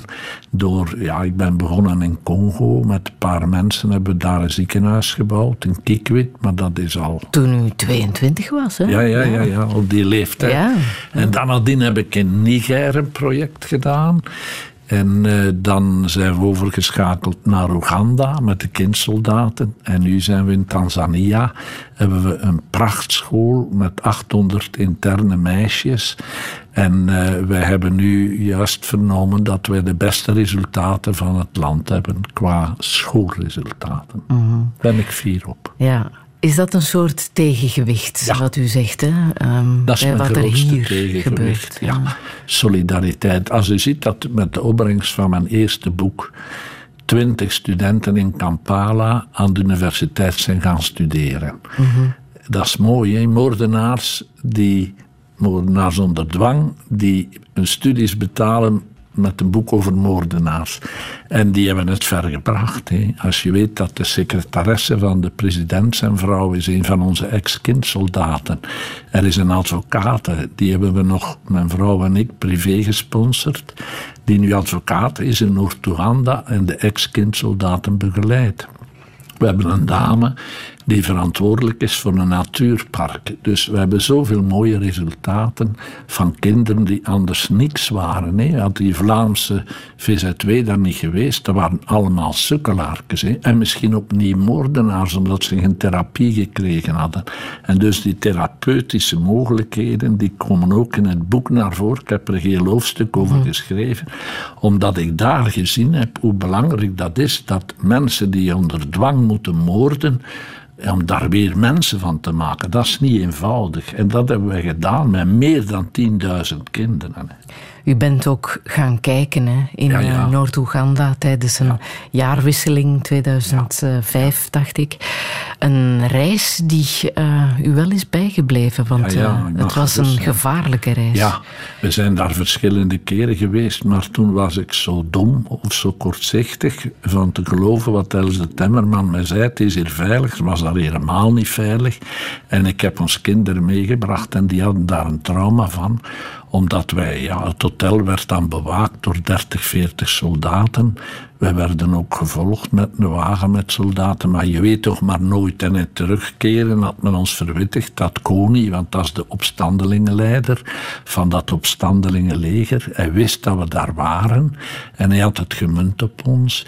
En dan zijn we een dag vroeger vertrokken, want je moet door die piste die een aardeweg is, dat is dan tegen 120 per uur, want ze kunnen altijd in, in het uh, gewas zitten naast de piste en van daaruit beschieten ze. En dan hebben we gehoord dat ze daags nadien een andere jeep beschoten hebben. Daar waren dan zwaar gewonden, omdat ze dachten dat wij het waren. Daar zat ik dan vreselijk mee in mijn maag. Maar als je dan over die brug komt, want er is maar één brug, de Nijl ontstaat daar in Oeganda. Hè. En dus dan heb je een brug over die woeste rivier. Dus van het noorden kan je nooit naar het zuiden. Tenzij over die brug die enorm bewaakt was in die tijd. Maar als je daar weer overkomt naar de vrije wereld dan adem je toch eens anders. Want dan weet je, we hebben in bedreigd gebied gezeten waar onze kindsoldaten eigenlijk allemaal zaten. Mm. U bent zo betrokken bij die VZW-kindsoldaten uh, omdat u voorzitter uh, was of nog altijd bent? Uh, ja, niet, niet meer nu, maar ja. ik heb het toch ongeveer tien jaar gedaan. Ah, en u heeft ook ja, echt wel cruciale gesprekken gevoerd hè, om daar ja. een oplossing in dat probleem te krijgen. Ja, we zijn bij de president verschillende keren gaan spreken, maar men omzeilde dat thema. Ook in Rwanda heb ik het geluk gehad om daar met de president discussies te voeren. Want toen ik in Rwanda was, daags nadien gingen ze 7000 gevangenen vrijlaten dus de, van, die, van die moordenaars die dus de Tutsis vermoord hadden. Ik had die ook bezocht in diverse gevangenissen. Het geluk dat de president mij dat toestond, want daar was nog nooit een buitenlander binnen geweest. En dan ben ik bij de president en hij zegt, morgen laten we 7000 van die moordenaars vrij. Ik zeg, ja meneer de president, zijn de slachtoffers daarop voorbereid? Ah, nee, eigenlijk niet, zegt hij. Ik zeg, ja, maar dat is wel cruciaal. Als die in hun dorp komen en die komen een moordenaar daartegen. Ja, maar zegt hij, kijk, ga naar de regeringssamenkomst bij mijn ministers en bespreek het. Zeg, ja, maar het is te laat. Maar ben dan mogen gaan spreken op de ministerraad. En ik heb hem dat uitgelegd, doe dat nooit meer. Je moet de mensen daarop voorbereiden. Wij moeten dat ook doen. Al, hier wordt ook soms iemand vrijgelaten vandaag op morgen zonder dat de slachtoffer voldoende ingelicht is. Dat is een trauma daarbij, want die mensen staan oog in oog. Alleen zijn twee politiemannen in Aalst vermoord. Nu zeggen nog die oudere politiemannen, maar als die niet nooit in, in de stad komt, ik weet niet hoe ik zal reageren, omdat ze zo getraumatiseerd zijn. Dus daar moet je voorzichtig mee zijn. Je hebt daar ook de mooiste vorm van uh, verzoening gezien. Hè? In uh, Rwanda, dankzij de volksrechtbanken, de Gakaka-rechtbanken. Kachacha. Ah, Kachacha-rechtbanken. Uh, waarom precies werkt dat zo goed? Omdat Afrikanen zijn. Ja? Afrikanen zijn uit op verzoening. Wij niet. Wij zijn uit op repressie. Dat zit in ons. Afrikanen niet. Wij begrijpen dat niet. Alleen op een bepaald moment zegt de president van Oeganda ook. We gaan eh, als de leiders van het opstandelingenleger, die zoveel mensen vermoord en verminkt hebben, als ze willen naar hier komen en ze stoppen, wel, dan gaan we ze gratie geven. Dat kan er bij ons niet in. Ook bij mij niet op dat ogenblik. moet eerlijk zijn. Zeg ik, allee. Maar dat is typisch Afrikaans. En kijk naar de Verzoeningscommissie. Kijk naar Nelson Mandela. Dat is toch het toppunt van verzoening. Een man die zoveel jaren onschuldig in de gevangenis zit, buiten komt. Als hij gezegd dat we gooien al de blanken hier buiten of we maken ze kapot, was op vijf minuten gebeurd. En wat zegt die man dan? Zijn eerste speech, als hij buiten komt. Wij moeten van het grootste land in Afrika het mooiste maken. Verzoening. Mm Dat emotioneert u. Ja. ja. Hoe komt het dat wij daar zo slecht in toe in staat zijn, verzoening? Wij zijn harder, wij zijn anders. Zij zijn ook hard, hè? want in die zin zijn ze veel harder dan wij als het gaat om genocide, genocide dat, dat, dat, dat, kunnen wij ons niet meer voorstellen. Hoewel, het zou hier ook kunnen. Hè. Via de Facebook kan zoiets ook gelanceerd worden. Je moet voorzichtig blijven. Maar op dat punt zijn ze soms zeer hard, maar zijn ook zeer beïnvloedbaar. Want eigenlijk is Hans de zaak daar begonnen met een Belg, met zijn radio Milcolin. En, en hij heeft het allemaal op gang gebracht. En ze zijn zeer beïnvloedbaar. Maar ze zijn ook zeer verzoenend. Als ik dan zie op die Kachacha dat die slachtoffers daar komen hun verhaal doen en dat de dader dan zijn excuses aanbiedt, maar oprecht, en dat dan eigenlijk het slachtoffer mee de straf bepaalt, dat is toch ongelooflijk, kunnen wij ons ook niet voorstellen. Maar daar kan dat. Maar ja, daar wordt gepalaberd onder de boom en daar wordt heel veel opgelost door palaberen, met elkaar praten, dialoog. Mm Meneer Vermassen, wat mij nu zo uh, opvalt is, u heeft de ergste verhalen gehoord en gezien waartoe mensen toe in staat zijn en toch bent u nog altijd zo'n geëmotioneerd man. Ja. Hoe kan dat? Steeds meer, ja. Uh, het, het kruipt in uw kleren, vergeet dat niet. Hè. Als ik zie wat sommige mensen doen met een slachtoffer en wat dat slachtoffer moet meegemaakt hebben daar kan ik van wakker liggen, ja. Na die laatste weer de samenstelling heb ik twee nachten wakker geworden. Gewoon dat ik denk, wat hebben die mensen meegemaakt? We zullen het pleiten, ik mag daar nu niet over uitweiden, want dat onderzoek is lopen. Maar dan denk ik, kan dit? de grens van het kwaad wordt per dag verlegd en wordt steeds luguberder.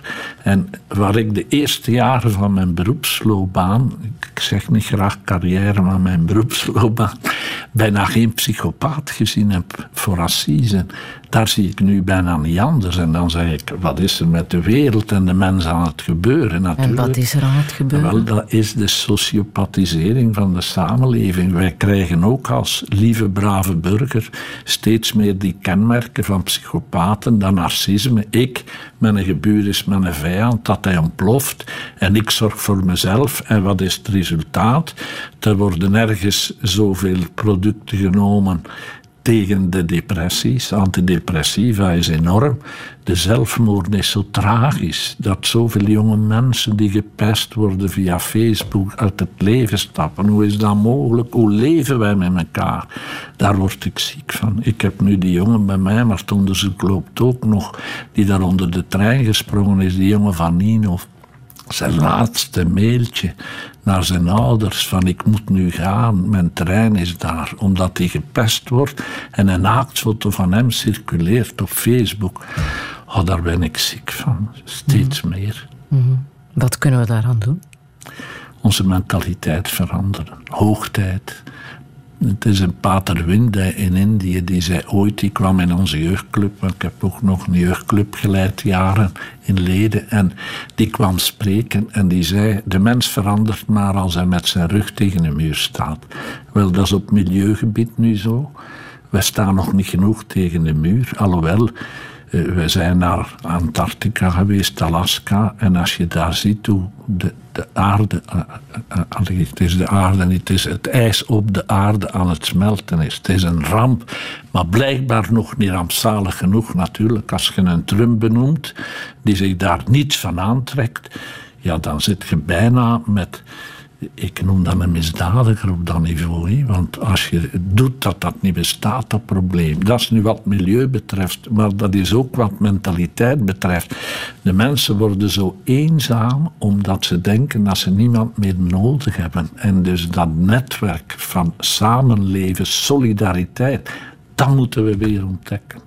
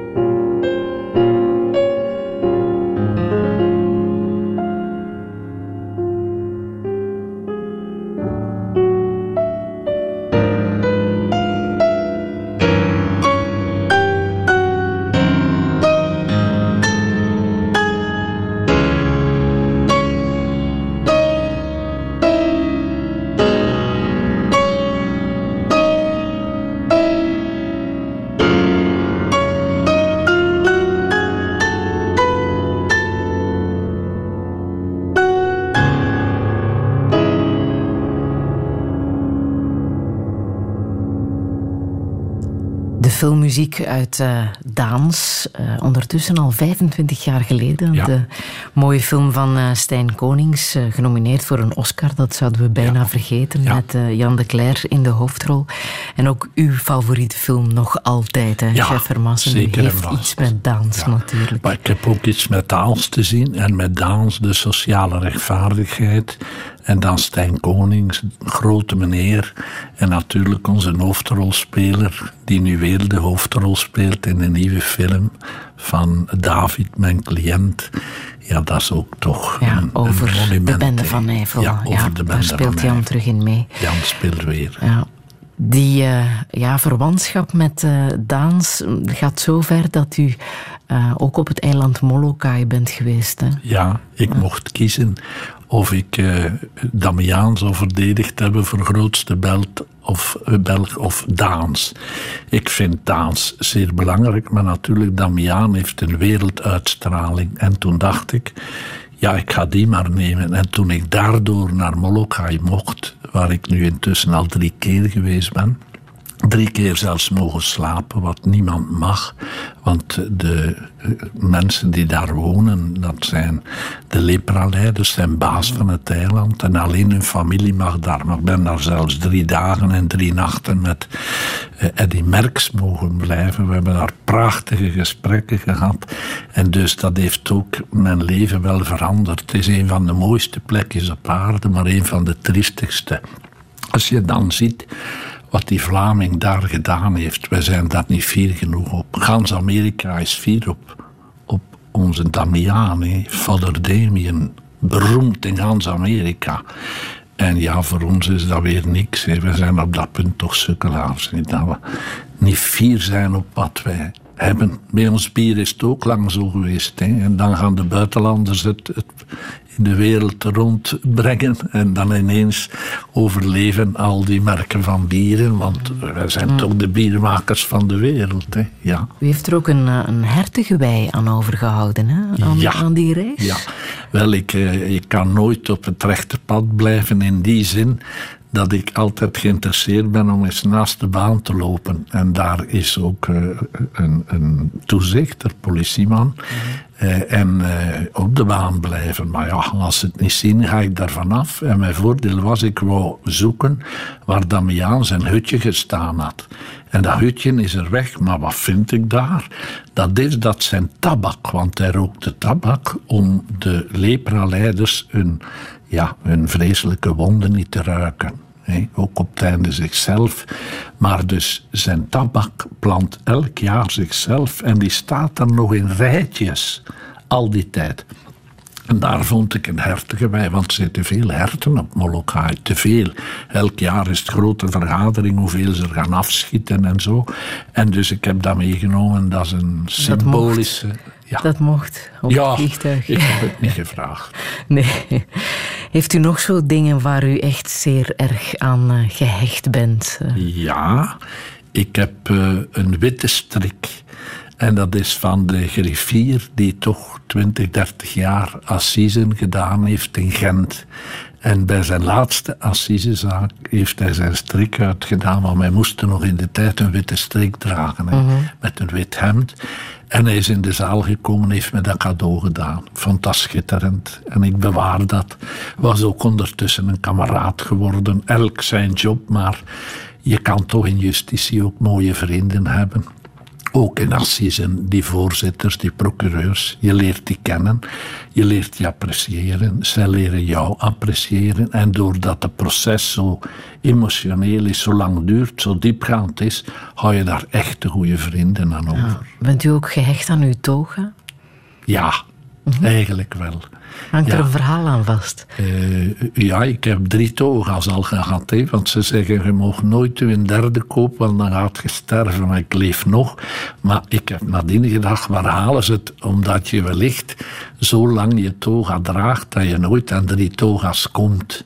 Maar de toga heeft ook een, een mooie symbolische waarde. hè. Dat is eh, met de hermelijn. Mensen begrijpen dat niet, maar hermelijn is het symbool van wij zijn niet corrupt. Vandaar de hoogste magistraten hebben een volledige toga in hermelijn. Zo van, je moet ons niet omkopen.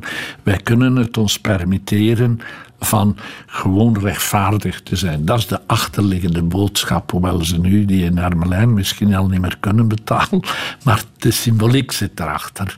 En dus de toga heeft ook wel iets, want eh, ik, ik, heb ooit... Eh, is, ik had nog mijn toga niet aan. Ik zat op de bank al nog met de klanten babbelen op de beschuldigde bank. En de voorzitter kwam dan binnen, maar het was een correctionele zaak. En die dacht dat ik een beklaagde was. Dus in die zin is dat ook wel niet onnuttig om het onderscheid te zien tussen de cliënt en de advocaat. Dus ik ben wel voor die toga, hoewel sommigen willen dat afschaffen en ik begrijp dat. Maar ik vind het toch nog waardevol. Heeft u ooit gevreesd voor uw leven? Gevreesd niet, maar toch bescherming moeten krijgen in de tijd van uh, ja, de uh, parachutemoord. De vijandschap van Vlaanderen was toen toch zeer groot, een gedeelte. Mensen die geloofden in de onschuld, wat intussen toch al een beetje voorbij is. De mensen hebben meer zicht gekregen op die zaak. En als dan uw, uw bescherming zich moet uitbreiden tot uw kleinkinderen, die dan een paar dagen niet op de speelplaats mogen, dat is wel niet leuk. Dan zeg ik, nu is het toch wel iets te ver aan het gaan. Eh, agressie, oké, maar dergelijke vorm van agressie, dat kan niet meer. En nu? Vreest u nu? Dat er Goh, ik iets ben zou voorzichtig. kunnen gebeuren? Ik hoop van niet. Eh, je mag daar niet bij stilstaan als advocaat. En je mag dat ook niet terugbaar maken, want dan komen de gekken boven en dan beginnen ze maar met u inderdaad eh, te bedreigen. En, en dus we zwijgen daar best over. Mm. Maar het gaat ook niet over u alleen. Hè. U heeft ja, vrouw en Ja, kinderen. Ja, mijn vrouw is die er zich ook... eh, ja, Ja, ja, omdat je niet weet met wie je te doen hebt. En ja, je steekt je nek uit. Je wil de waarheid bovenhalen. Maar er zijn hier wel mensen die dat liever niet hebben, denk ik. En misschien van hoger niveau, dat weet je niet. hoe belangrijk is zij in jouw leven? Zeer belangrijk. Dat is mijn grootste cadeau. Dat is ook mijn grootste criticus. Maar in de mooie zin van het woord. En ja, als je een goede relatie hebt. eh, Wij kunnen een uur bij elkaar zitten, dat wij niets zeggen. Maar dan in de namiddag, als we thuis zijn, dan zeg ik: Ik weet wat je zit te denken. We gaan in Aalst in de stad een pannenkoek eten of een wafel. Ja, zegt ze. En je voelt het en je moet het niet zeggen. Dat is toch het mooiste wat er is. Hoe gaat het met de dochters ondertussen? Goed, schitterend. Ja? Ik heb er drie die in het onderwijs zitten, waarvan er eentje dan ook therapie doet met kinderen. Die heeft ook lesgegeven in de hogeschool. Ik heb dan een zangeres die voor gehandicapten lesgegeven heeft, maar nu met dat dwaas decreet, waar ze allemaal naar het normaal onderwijs bijna moeten. Normaal tussen aanhalingstekens zijn er veel kinderen die uit de boot vallen en wordt de klas soms ook geschaad. Mijn jongste zit ook in een klas, zit daar ook met een kind waar ze het moeilijk mee hebben, ook in het onderwijs. Dus ik heb er drie in het onderwijs en eentje begon als eh, jurist, maar zij zei toen altijd met u vergeleken worden, laat het maar. Ze is dan naar de hogeschool gegaan, is maatschappelijke werkster geworden en werkt nu op mijn kantoor. En daar ben ik ook gelukkig mee dat ik toch één dochter zo dicht bij mij heb, want Ja. mijn dochters zijn mijn parels. Ja. Maar toch niet een beetje spijt dat ze niet echt helemaal in uw sporen Jawel, wil lopen? jawel, jawel. Ja. Ik had graag minstens eentje gehad. Maar zij hebben mij denk ik te hard zien werken. En dat is ook Ja? een nadeel. Ja, en dat ze zeggen, zo willen wij niet leven. Maar het zou leuk geweest zijn, dan zou ik het nu veel rustiger hebben als ik een opvolgster had. Maar ja, ik heb een goede ploeg waar ik ook een hele goede band mee heb. En ik heb goede helpers en dus dat marcheert goed. Ja. U bent er eh, afgelopen jaar 70 geworden, hè? Ja. eind april. Ja. Hoe heeft u dat gevierd? Eigenlijk niet willen vieren. Omdat, Nee? ik, nee, omdat ik vind, die leeftijd is niet meer zo om te vieren. Je mag blij zijn en gelukkig dat je al zo oud bent, maar ik heb toch echt moeten slikken. De eerste keer omdat je zegt, ja, de volgende tram is 80 en dan is het eigenlijk zo goed als gedaan. Dus wat meer genieten, dat ga ik proberen. En pensioen, staat dat in uw woordenboek? Ja, maar op termijn. Ja. Ik zou willen afbouwen om een rustiger leven en de zaken te doen die ik graag doe. Dat zijn de levensdelicten. En dat ik mij wat meer kan distancieren. Maar je hebt geen keuze in ons vak. Ofwel niks, ofwel alles. En als je morgen zegt, jongen, ik verminder, dan denken de mensen, ah, je doet niks meer. En ja, we zitten daar met toch veertien man op kantoor. Ik wil niet dat ze allemaal moeten gaan stempelen. Daar zit je van hier. Maar het moet wat kalmer. Zoals het nu loopt, is het te. En dan kan ik op die leeftijd zo toch niet meer aan. Wat zou u echt nog willen in het leven? Oh, wat ik nog wil is uh, tijd om lezingen te geven. Daar heb ik nu spijtig genoeg te weinig. Ik geef er maar weinig, want ze vrijdag geef ik er een in Zelzaten. Ze hebben al drie keer van zaal veranderd om nu tot 600 man te komen. Nu zeggen ze, nu is het genoeg. Maar dat doe ik ook zeer graag, uw boodschap brengen. In mijn tuin werken, reizen, zeer graag, uh, kunst ja, en van vrienden en familie genieten. En met de kleinkinderen is maar meer op stap. We zijn nu naar het Zwin geweest vorig weekend. Terwijl daar kan ik van genieten, ongelooflijk. En zij ook. En dan hebben ze tenminste niets aan hun opa. En dat is wel belangrijk. Ja. Heeft u ergens spijt van? Ja, ik heb spijt dat ik te veel gewerkt heb en te weinig tijd gemaakt voor mijn dichte nabijheid. Ik probeer het maar. En ja, de jeugdrechter vroeger in Dendermonde zei ooit: Het is de kwaliteit die telt van uw tijdsgebruik en niet de kwantiteit. Toen wij aan het pleiten waren in een kort geding en mijn tegenstrever zei: Ja, maar uw cliënt heeft geen tijd voor zijn kinderen. Gij wel, meester, zei de voorzitter, dat was meneer Van Eulen. En toen zei hij dat hij zich kwalitatief moet omgaan. En dat troost mij dan dat ik dat wat kan goedmaken. Spijt dat u niet in de politiek bent gestapt, want u heeft de vraag gekregen. Geen minuut. Tot twee keer toe. Ja, ik had het al op mijn dertig jaar. Was het. Nu zijn ze mij weer komen vragen, worden geen burgemeester in Leden? Maar politiek is mijn terrein niet. Hoewel je er veel kunt doen, maar ik ben zo bang van de valkuilen. Zeker Nederlandstalige, bijvoorbeeld als minister van Justitie, moet toch goed uit zijn doppen kijken. Maar minister van Justitie, was dat iets voor u geweest? Ik weet het niet. Als ik mijn zin kon doen, maar men zegt me dan, je wordt daar zo beperkt en je moet zoveel compromissen sluiten. En daar ben ik nu niet zo goed in, omdat als je je wil doorgaan met een idee, dan moet je doorzetten. Deze minister doet dat wel en het lukt hem, maar dat zijn er weinig die daarin lukken. Eh, en, en, de tegenstand is soms groot. En ik blijf dan liever op mijn terrein, waar ik toch de valkuilen wat ken. Want in de politiek sta je toch, denk ik, zeer alleen en moet je toch een beetje narcistisch zijn om te overleven. Van zeggen, ik, ik ga naar de top en ik doe het voor mezelf. En ben ook geen stafhouder willen worden toen men het mij vroeg. Meester De Vos was al drie keer stafhouder geweest. Zeg, ik ga het werk doen. Acte de présence, meester Van Nassen, zei ik. Zeg, ja, meester De Vos, maar ik zal geen goede stafhouder zijn, want ik ben nooit op mijn eigen balie. Ik zit in Brugge, ik zit in Tongeren en Asselt. En ja, misschien heb ik daar dom in geweest, maar men zegt dan uh, ijdeltuit, maar dat heb ik toch allemaal laten liggen. Hè? Mm. Ja. De toekomst voor Assisen, hoe ziet die eruit? Uh, hopelijk uh, zal ze heropleven. De minister heeft daar blijkbaar toch ingezien dat die zo, zo goed als afschaffing dat dat niet goed is. En waarom is dat niet goed? Omdat wij nu eigenlijk in een eiltempo een moordzaak doen. Als je getuigen vraagt en je vraagt er vijf, krijg je er twee.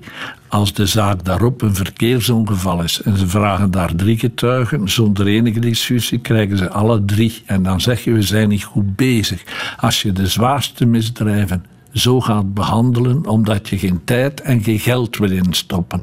En dat zijn de zwaarste misdrijven. En vooral de slachtoffers die kwamen getuigen, die een half uur, drie kwartier gehoord werden, nu twee, drie minuutjes gedaan. En dat is een ramp, want dat is een essentieel element van een verwerkingsproces. Ik heb het meegemaakt in Rwanda. Een dame die zegt: Ik ben komen getuigen naar België in Assisen over de moord op mijn jongste zoon. Waar de professor die het kind verraden had aan de universiteit hier terecht stond. En ze zei: Toen ik voor jullie jury kwam, dan ben ik beginnen genezen. Door de tranen te zien van de, van de juryleden. Dat heeft mij genezen, zegt ze, dat ik daar kunnen komen getuigen ben. En zo zie je hoe belangrijk dat is. Dat is een Rwandese dame die mij zegt: Jullie hebben een prachtig systeem. Intussen zijn we het bijna kwijt, maar ik hoop dat er, al is het dan ook een, een light versie van Assise, dat het terugkeert. Want nu zijn we echt niet goed bezig door het zo af te haspelen op één dagje. Dat is echt onrecht. Welke boodschap wilt u hier nog meegeven in Touché? De boodschap dat de mensen terug moeten leren solidair zijn. Veel mensen doen veel in stilte. We mogen dat niet onderschatten. Er wordt veel goed gedaan, maar dat haalt natuurlijk de media niet. Maar toch, de solidariteit leidt in deze tijd, omdat wij allemaal te veel individualisten worden. En wij zijn ontstaan uit de solidariteit. Als onze eerste voorouders toen niet solidair waren geweest door met 30, 40, 50 te gaan samenleven. Want ze hadden toen onder de een natuurlijke vijanden. Daardoor zijn wij er, want dat waren zwakke wezentjes. En dat vergeten we nu. En als we solidair zijn, zijn we gelukkige mensen. Niet uit compassie, in de zin van, oh, ik heb wat medelijden met u, maar gewoon echt solidair zijn en iets doen voor een ander, dat geeft zo'n vreugde. En dat moeten de mensen ontdekken.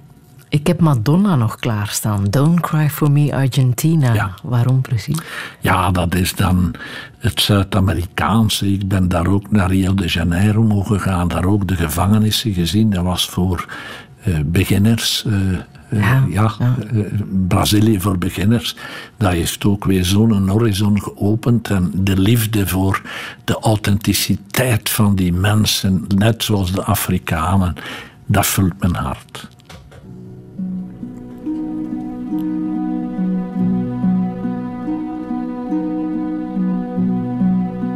It won't be easy. You'll think it's strange when I try to explain how I feel. That I still need your love after all that I've done.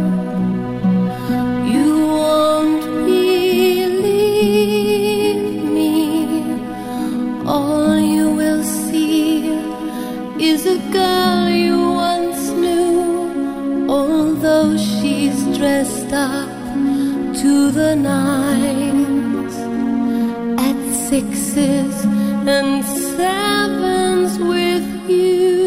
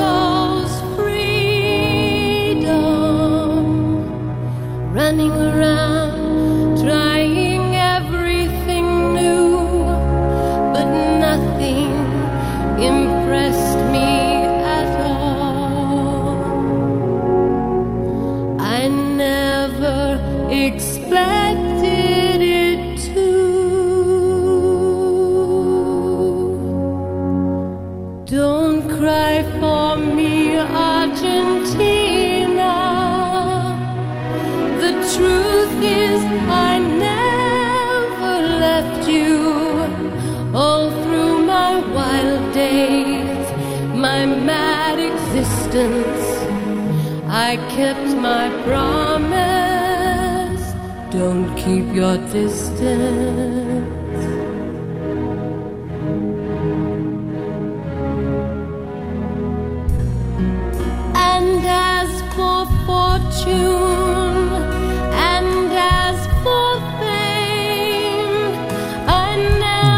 Cry For Me, Argentina. Dat prachtige nummer van uh, Madonna. Ik wil je bedanken, Jeff Vermassen, om uh, naar Touché te komen. Alle info staat zo meteen na te lezen op onze website radio1.be. Volgende zondag ontvang ik hier Ginny Beels, die haar uh, job als politiecommissaris verlaat om in de politiek te stappen. Geniet zo meteen nog van Grand Cru en de sportnamiddag van Radio 1. Fijne zondag nog. Herbeluister Touché via de podcast Radio Plus en radio1.be.